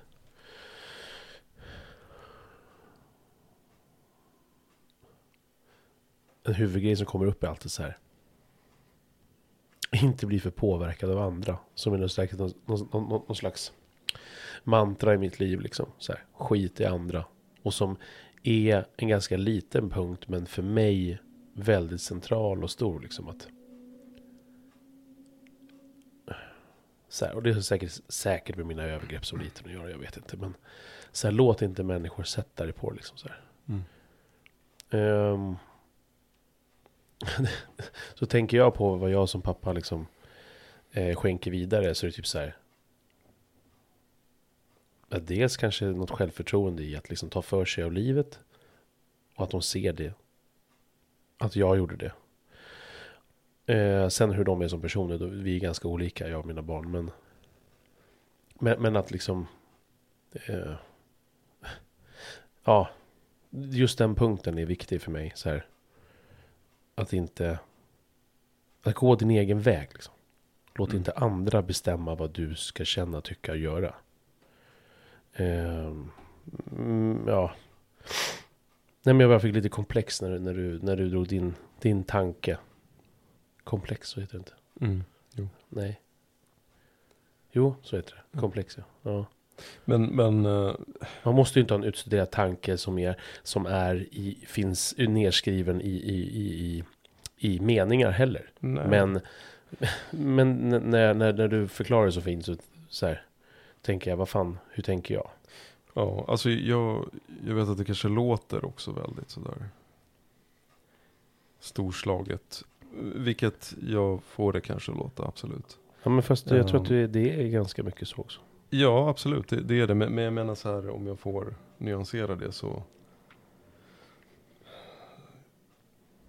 Det är klart att en medvetenhet är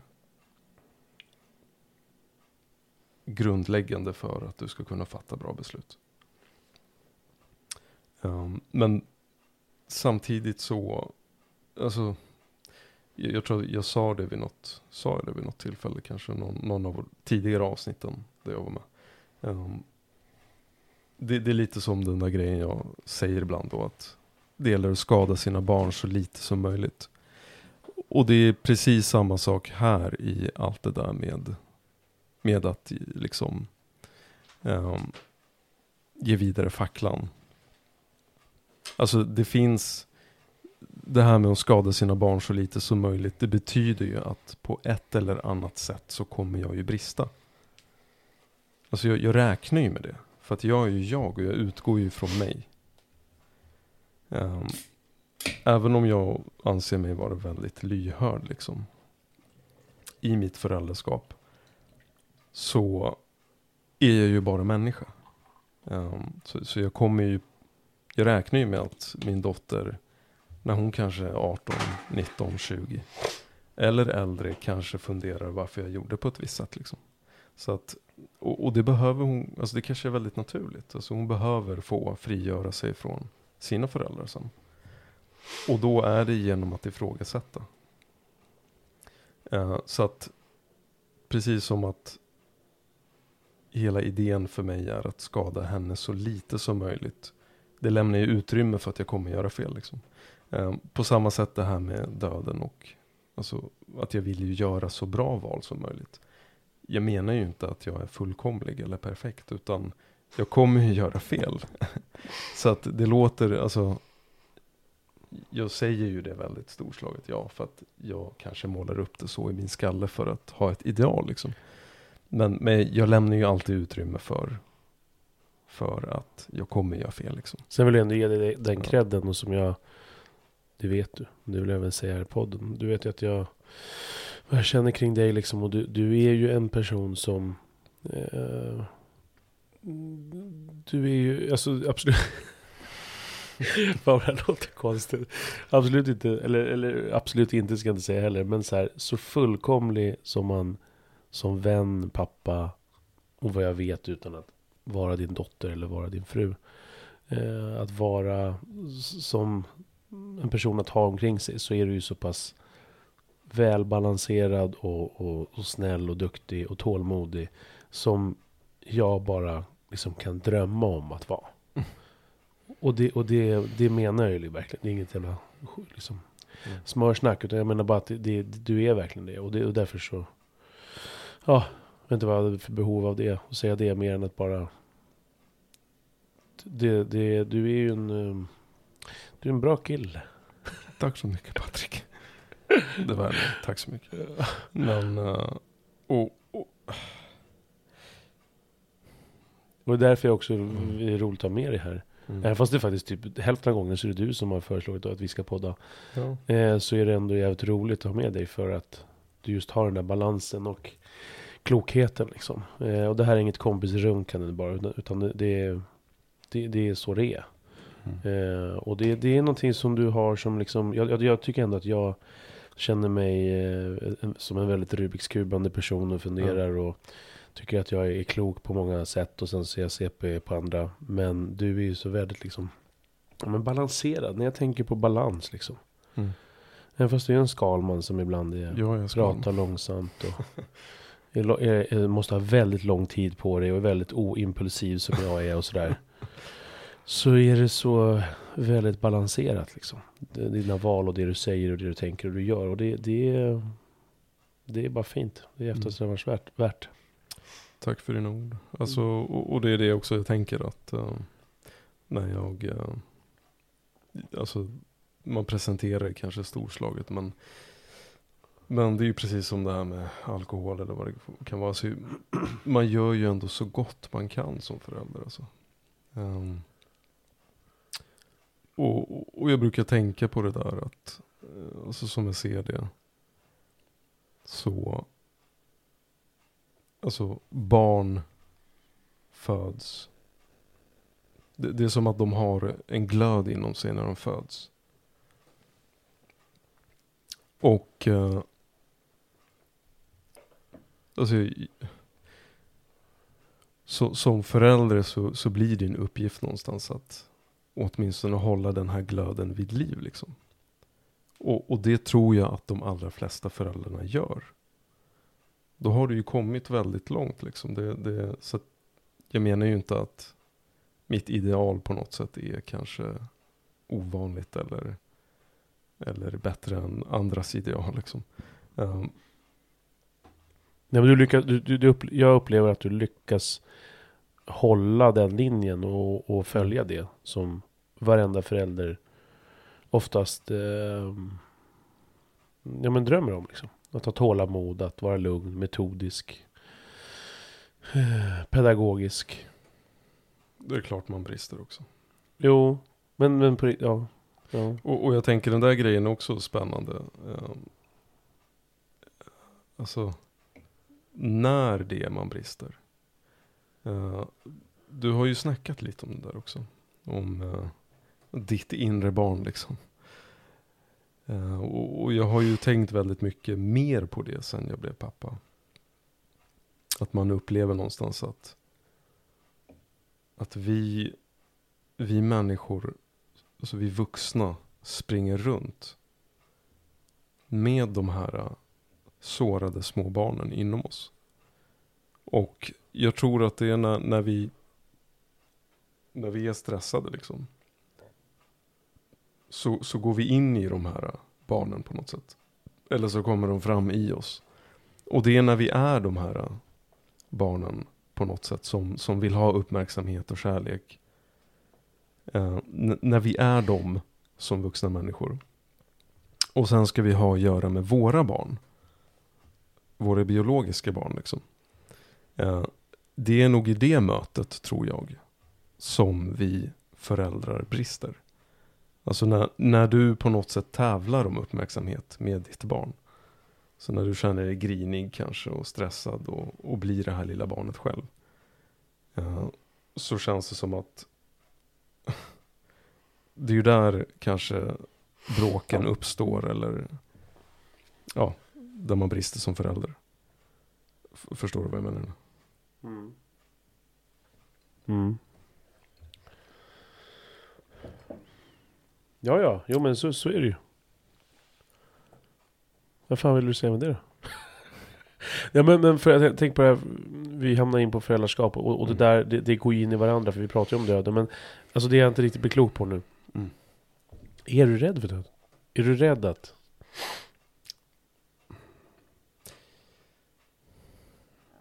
Vad alltså tänker det, du om döden? Ja. Är, är, det, är det curtains down när vi dör?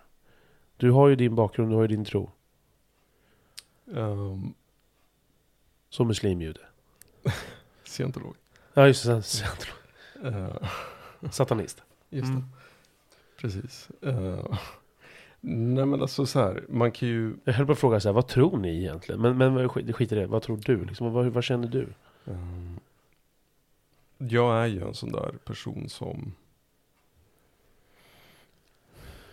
Som lämnar... Alltså jag stänger ju sällan dörrar. Alltså jag lämnar ju mycket öppet.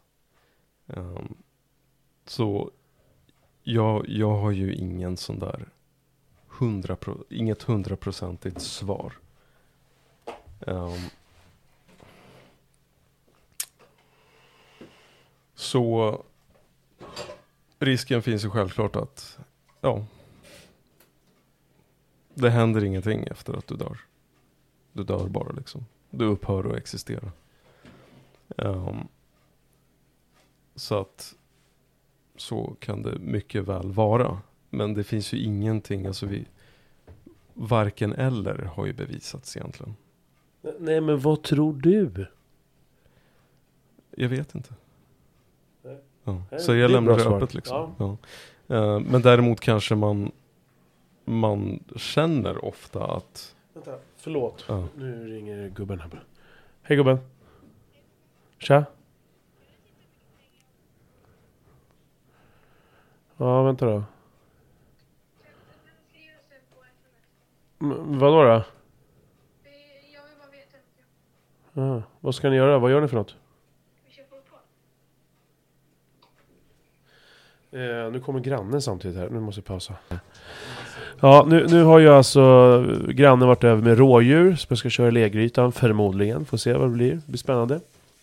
Eh, och så eh, tömmer Stumpan diskmaskinen här, så det här blir bra. Alltså, jag tänker bara...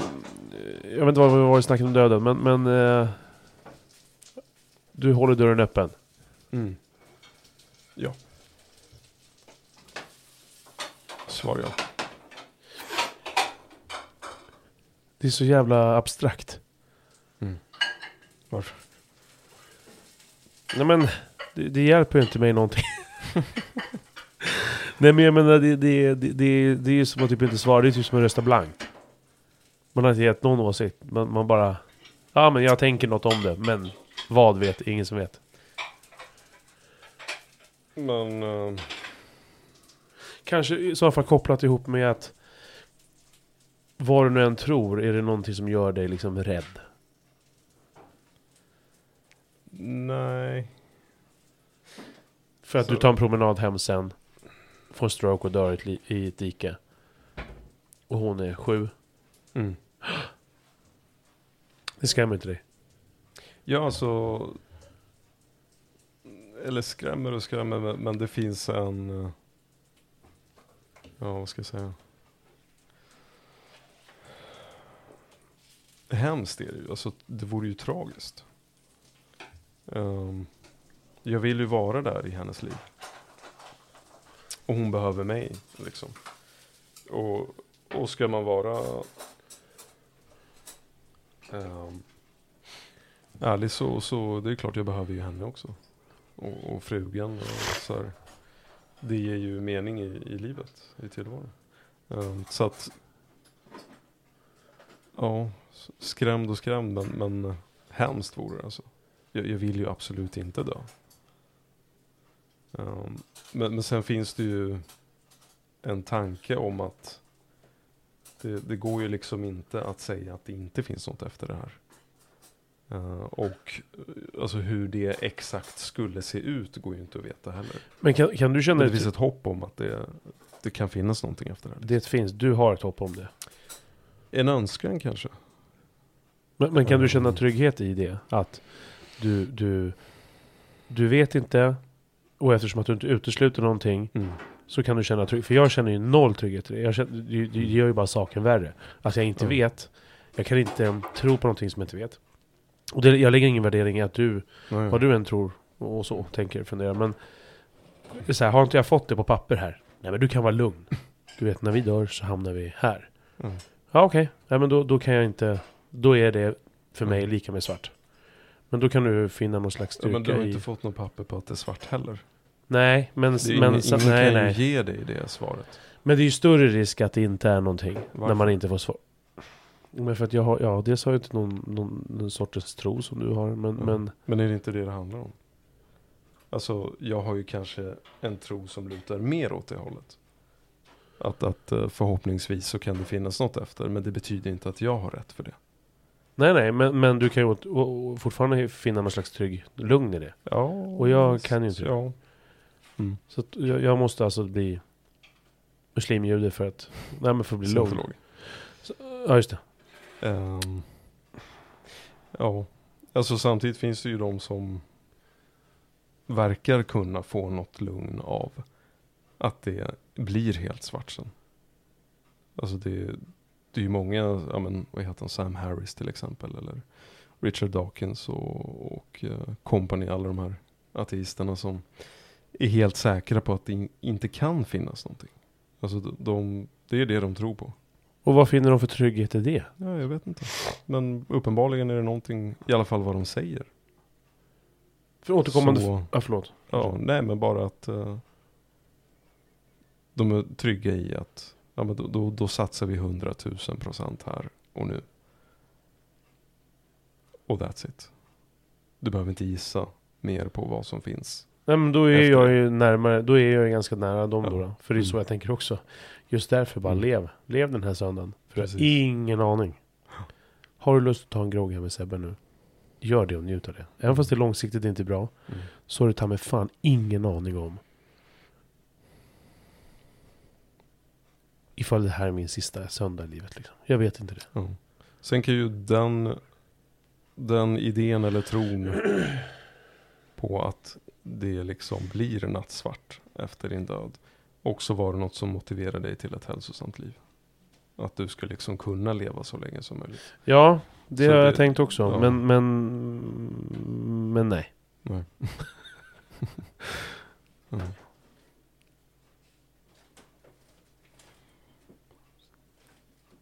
Varför viskar du? Ska jag pausa? Pausa en, en sekund bara.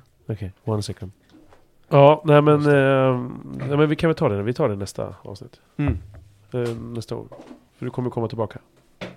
Aldrig mer. Du är ju ändå 40% av mina Just eh, avsnitt nu. Med, med i mina avsnitt. Ja. Ursä- Ursäkta Gabbis, det var väldigt mycket prasslande. Nej men jag skojar bara gumman, kör bara. Ja, men kör bara. Skit i det. Det är lyssnarna som blir lite störda, störda, störda av det bara. Nej, men jag kan inte vänta.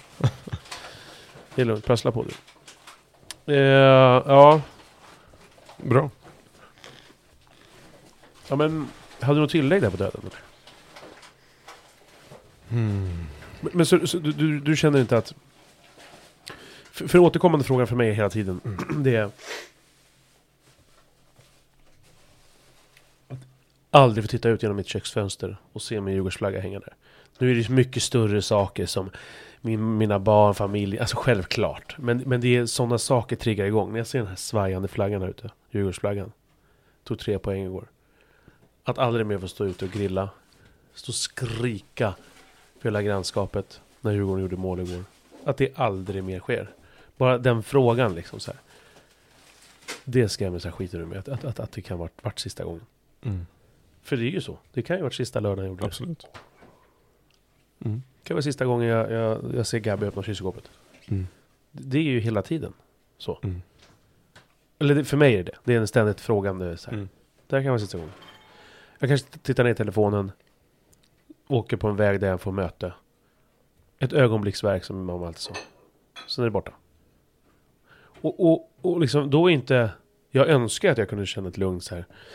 Ha en tro där jag trodde att ja, men jag kommer till paradiset då. Det är någon som kommer ta mig då. Det är någon som kommer ta hand om mig då. När jag dör. Så Mm. kommer någon ner och plockar upp mig. Men jag tror inte det. Och då, då blir det jävligt läskigt. Men av den Mm. anledningen skulle man ju faktiskt inte dricka. Man skulle inte hålla i Precis. sin telefon när man kör. Man skulle Exakt. inte slarva med att sova. Så att man, man är risk för att man sitter och nickar till i lastbilen. Mm. Man skulle inte vara uppe för sent. Men, men liksom, det är ju inte så liv, det är ju inte så verkligheten ser ut. Trots allt. För, för, för, för vad jag tänker rent logiskt med det här med, med, med döden och eh, eh, dödsångest är ju så här att det borde ju leda dig till att göra de här bra valen.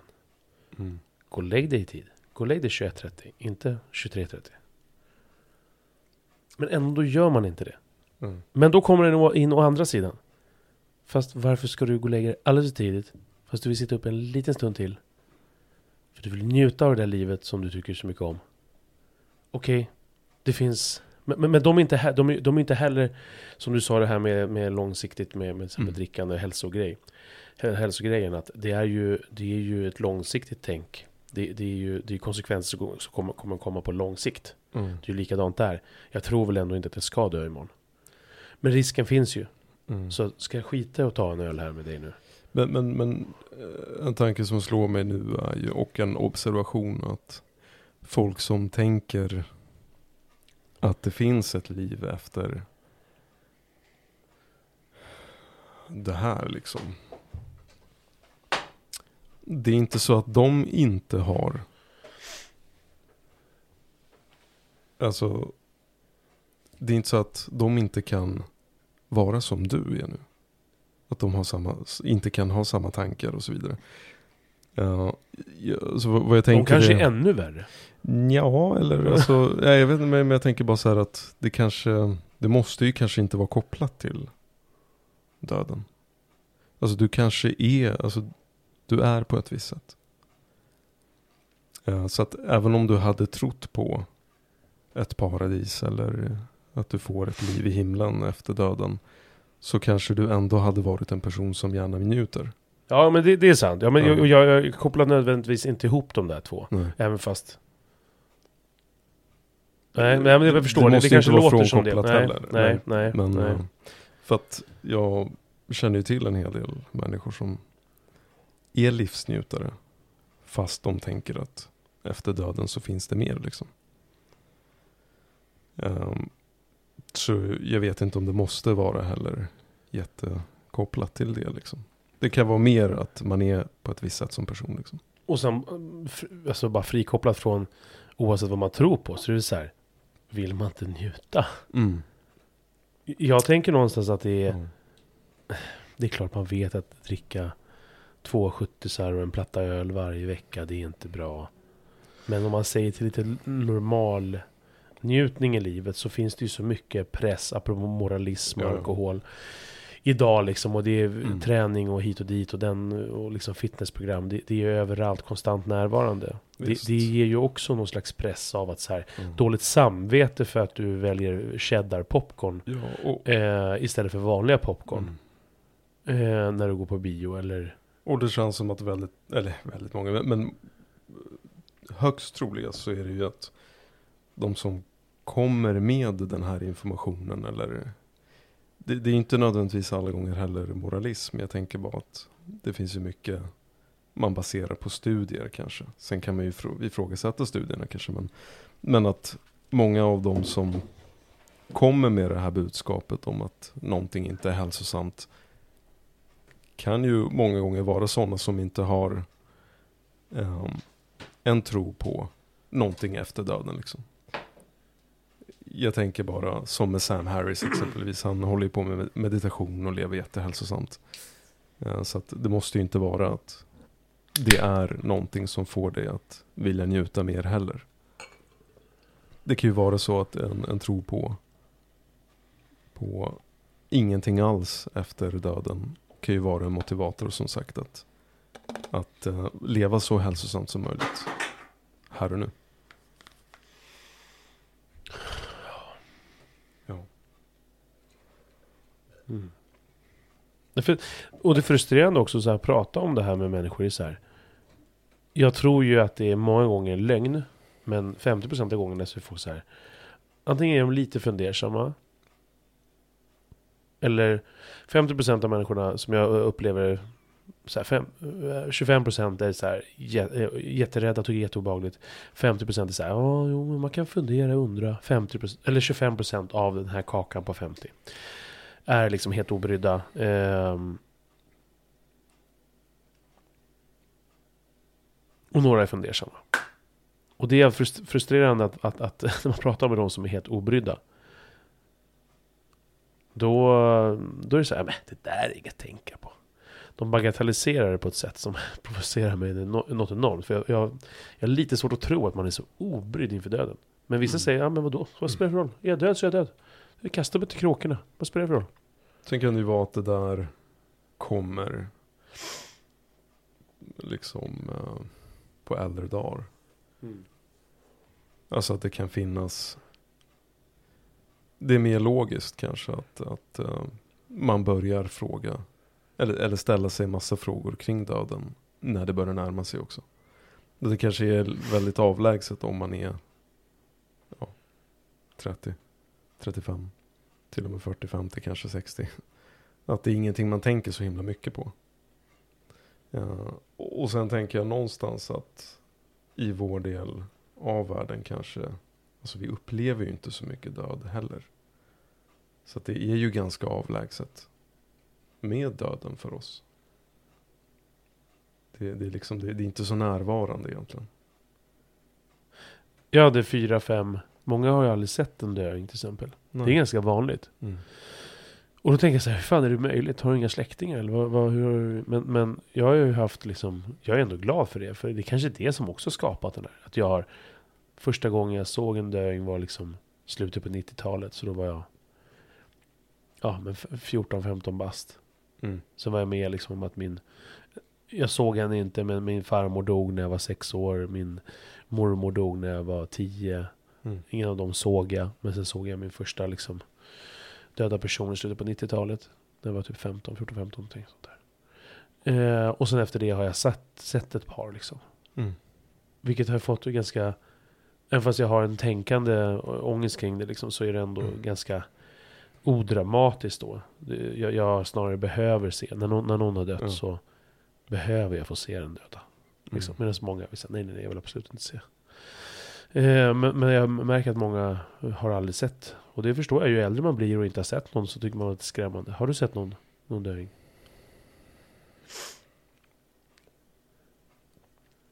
Jävlar vad länge du tänker. Ja, jag är Skalman. ja. Nej.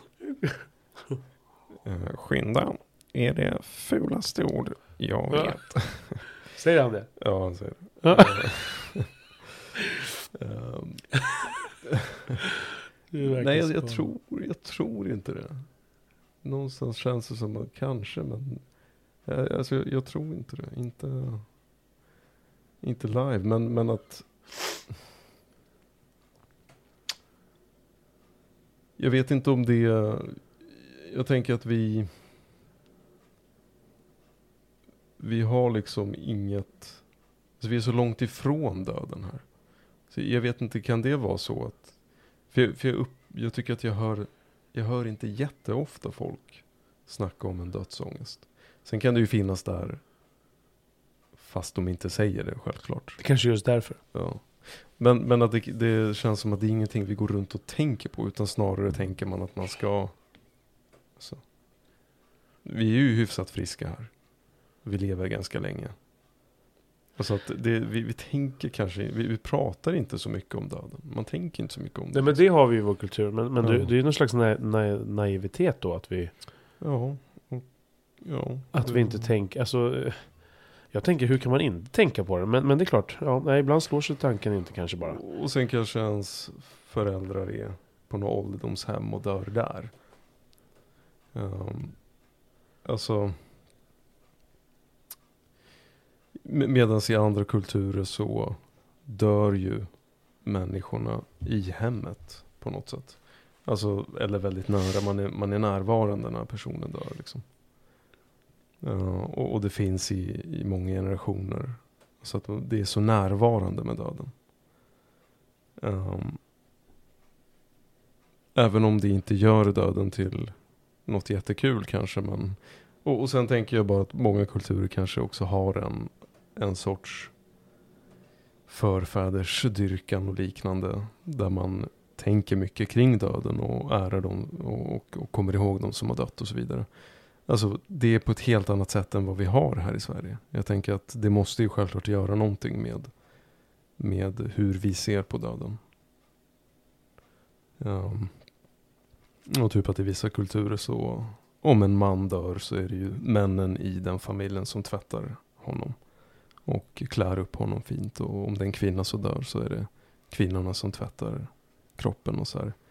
Alltså det, det, det, det, det finns ju inte här liksom. Så det, det är klart att det måste påverka hur vi ser på döden och kanske, ja men, lite som du in... Okej. Ja, det- du ska alltid avbryta mig Patrik. Förlåt, fortsätt. Skalman, Skalman tycker att det är jobbigt att bli avbruten. förlåt, men jag måste bara lägga den här på, i, i vatten bara. Mm. Fortsätt. Det låter alltid så.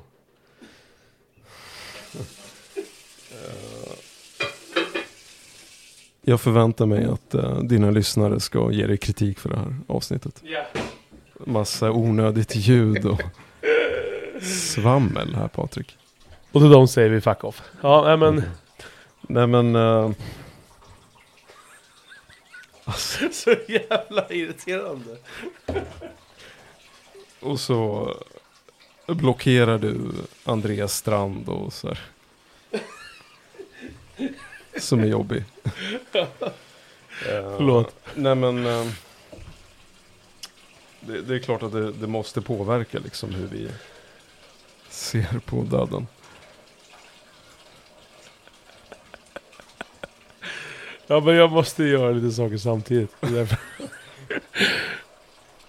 Mm. Ja. Något sånt. Mm. Kommer det där låta jättemycket? Ja, jag hör det där ganska mycket i mina hörlurar. Eh, det blir kul. Nej, men ja. Jag håller på att fylla upp här som min legryta. Jag tänkte jag skulle lajva lite och köra lite hjort framben. I legrytan så den måste ligga i vatten. Så det är det som låter just nu. så jävla nonchalant. ja, Förlåt. ingen respekt för dina Nej, lyssnare. Nej, jag säger det. Jag, blir, jag kan ju vara så jävla nonchalant. Dryg. Nej, men... men eh, mm. Det... det, det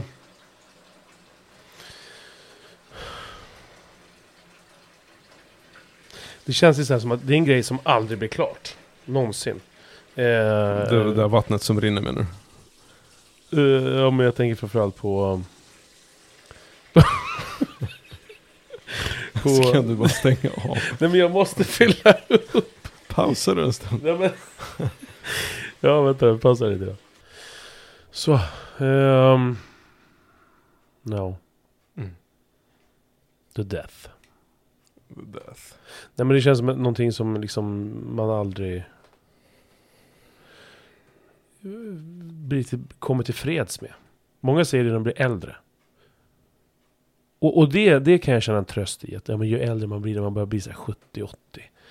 Så man, blir så här, man behöver förlika sig med att man faktiskt...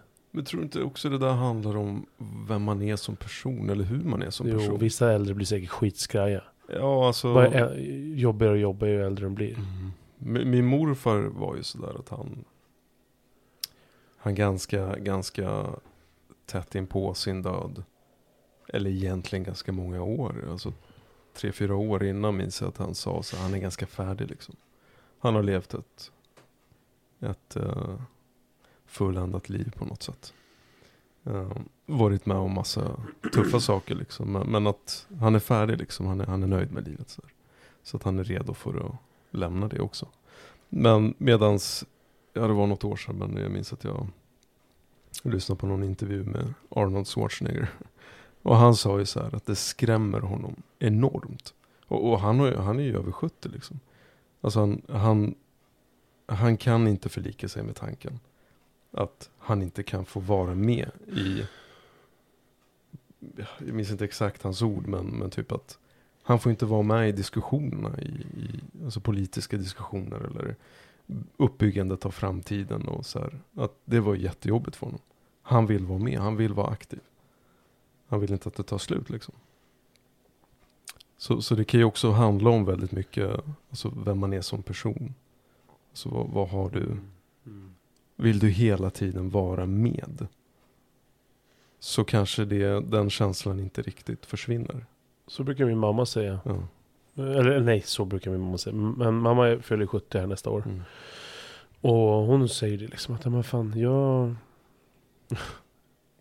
Jag känner mig som 40 liksom.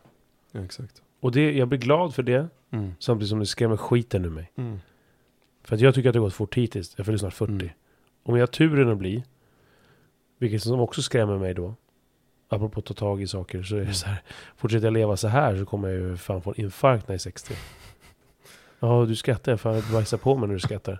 Men det är ju typ så. Så det, jag måste ju av den anledningen skärpa mig. Nej, det är inget. Det är bara, är bara garva. Mm. Ja, men... ehm, så det är ju säkert som du säger. Det finns ingen så här ålderdom är lika med acceptans, utan det är nog... Det nog verkligen hur du är som person. Men om, du- om, du, om, du, om du skulle få välja då? För det hade en diskussion faktiskt med min mamma och en, en, en kompis till henne för några år sedan. Mm. Där jag, hur, om du fick liksom, nu får man ju inte välja. Nej. Men om du får välja. Vill du bara, för de flesta brukar säga nej jag vill bara dö. Mm. Knallfall bara. Rakt ner i marken bara. Mm. Dör, du vet ingenting, ingen förvarning, ingenting. Du dör och sen är du borta. Det skrämmer skiten ur mig. Att jag hamnar på fel sida av eh, körfältet. Mm. Utan att veta hur det är. Utan att veta alltså på förhand någonting överhuvudtaget. Utan att eh, någonstans överhuvudtaget förminska den smärta och den skiten som eh, för med det. Så Mm. önskar jag ju att mitt, när jag ska dö så är det utdraget. Mm. För att liksom så här hinna säga hej då. Jag är jätterädd i rädslan att jag dör i lastbilen imorgon. Eller om tio år. Hellre då liksom så här hinna få, även fast jag är noga med, just på grund av min dödsångest, så är jag noga med att säga till dem jag älskar att jag älskar dem. Och säga saker eh, som är viktigt att säga. För att man inte vet. Men ändå så vill jag ändå bli lite förvarnad. Du, du har cancer, du har ett halvår kvar att leva. Jaha, smärtsamt, fy fan. Mm. Men den här kompisen till morsan sa så här, när jag sa det, att ja, men jag vill nog hellre få cancer. Liksom. Ja, men tänk på barnen. Hur tror du det är jobbigt för dem? Alltså, jag vet inte. Om jag har fått en diagnos att jag ska dö om ett halvår. Det är klart att det kommer vara smärtsamt för barnen. Men är det synd om barnen eller är det synd om mig? Hallå? Det är jag som försvinner. De lever kvar. Säkert med en del smärta av att deras pappa dör, men det är jag som dör. Så att Eh, jag tycker det är extremt sekundärt att de ska behöva gå igenom någon slags eh, något jobbigt för att deras pappa blir sjuk. För att de flesta blir ju sjuka innan de dör liksom. Så det är ju... Så, så för, det, för mig är det viktigt, eller viktigt, jag får inte välja, det är ingenting jag kommer kunna påverka. Men jag vill gärna ha möjligheten att liksom så här hinna vara med och veta hur smärtsamt det än kommer vara. Och när jag väl är där kommer jag säkert ångra mig. Fan, kunde jag inte bara få en jävla blodproppar så jag dog på hemma vid, vid köksbordet. Men som jag tänker nu när jag är frisk. Så tänker jag att ja, men jag, jag vill få en förberedelse liksom. Jag ska dö nu. Mm. Så, här. Så frågan är vad jag skulle välja. Ja. Vad, vad, vad, känner, ja, eller vad, vad, känner, vad, vad känner du spontant bara? Ja, alltså. mm. Det beror på hur, hur det där utdragna skulle se ut. Jag har eh, en, en bekant då som det, det var många år sedan. Men han, eh, han eh, förlovade sig med en tjej. Som eh, strax, alltså några månader innan bröllopet blev cancersjuk. Och så dog hon liksom ja, en vecka, två veckor efter bröllopet eller något sånt där. Ehm, och den sista tiden var ju verkligen att han fick ju torka upp spyor och skit. Och, alltså, det var det var inte kul för honom. Liksom. Eh, och det kanske låter själviskt, det var inte kul för henne heller självklart. Men han liksom skötte det snyggt. Men han mådde ju inte bra. Varken under tiden eller efteråt, många år liksom. Eh, men nu verkar han ju må bra och ha gift om sig och sådär. Men eh, alltså, jag tänker så här, skulle jag bli, alltså om det utdragna är så. Jag får ett halvår där jag liksom, jag ser inte ut som mig själv längre. Jag, jag har inget hår liksom på huvudet. Jag spyr om dagen i ända liksom och blir tunnare och tunnare. Och så ska hon tvinga, alltså min dotter typ tvingas ta hand om mig ungefär. Eller min fru. Alltså så vill jag ju inte ha det. Det, det, det är så här. Även om, eller jag vet inte, jag, jag känner inte att det skulle få någon att må bra. Men däremot om det var så här, ja jag vet inte. Det, det är någonting långdraget men där jag får vara, alltså se ut som mig själv i princip. Jag vet inte vad det skulle vara men, men det är klart att skulle jag få veta så här, men du har två månader kvar. Men att jag kommer dö hyfsat lugn liksom. Uh, ingen behöver torka upp mitt bajs. Uh, jag behöver inte bli förlamad och tyna bort liksom. Eh, Det är inte Björn där, Nattiko. ja, exakt ja. Han snackar väl om dödshjälp eventuellt om det går för långt. Ja, det tror jag att han Ja. snackar tid om redan han fått diagnosen. Ja, han har ju, precis. vad heter det nu? MS va? Nej, Var det inte så? nej, nej, nej. Det här andra. Hmm. Jag minns inte. Jag läste hans bok här också senast men jag minns inte. Jag kan ha fel. Ja, exakt. Mm. Ehm, nej men vad heter det nu då? Le- leukemi, fan. Det man inte, absolut inte vill ha. ALS. ALS, så Mm. var det. Just det. Just det, just det. Precis. Ehm, men, men samtidigt så känns det också lite, eller väldigt beige om man bara skulle försvinna. Alltså stört. Ja. Ingen jag- förvarning liksom. Ja, det, det är ju jobbigt för alla men, men eh, jag vet inte. Det är... Och det är väl där jag tänker någonstans att hur det än blir så måste ju det viktigaste vara hur man lever just nu. Så att även om det går plötsligt, alltså ingen var beredd på det, så finns de positiva minnena om mig kvar. Uh, och även om det blir utdraget då på ett negativt sätt så förhoppningsvis så minns folk mig för den jag är idag liksom. Mm. Mm.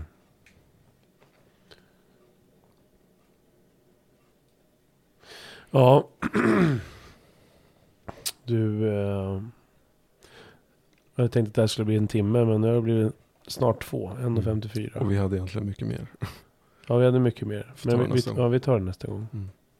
För nu vill jag hänga med dig off mic. Yes. Sebbe. Tack för att du kom. Tack Patrik. Du vet att jag älskar dig. Ja, och jag älskar dig. Tack som fan för att du kom och fyllde min söndag. Tack för att jag fick komma. Det är många som har sagt att de uh, hört av sig och sagt liksom, att de gillar dig. Och att när du är återkommande. Och, eller att när, när du har varit återkommande. Och att uh, du har en lugnande inverkan på din omgivning. Ja, vad bra. Ja men så är det. Tack. Du, tar hand om dig så hörs vi snart. Det gör vi. Uh, vänta, ska vi köra en sista bara? Vänta. Vatten, eller vadå? Skramla lite till.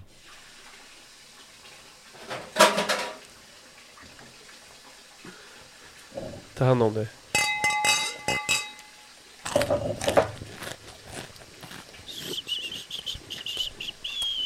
Hej Sebbe. Hej då. Vi hörs en dag. Hej då.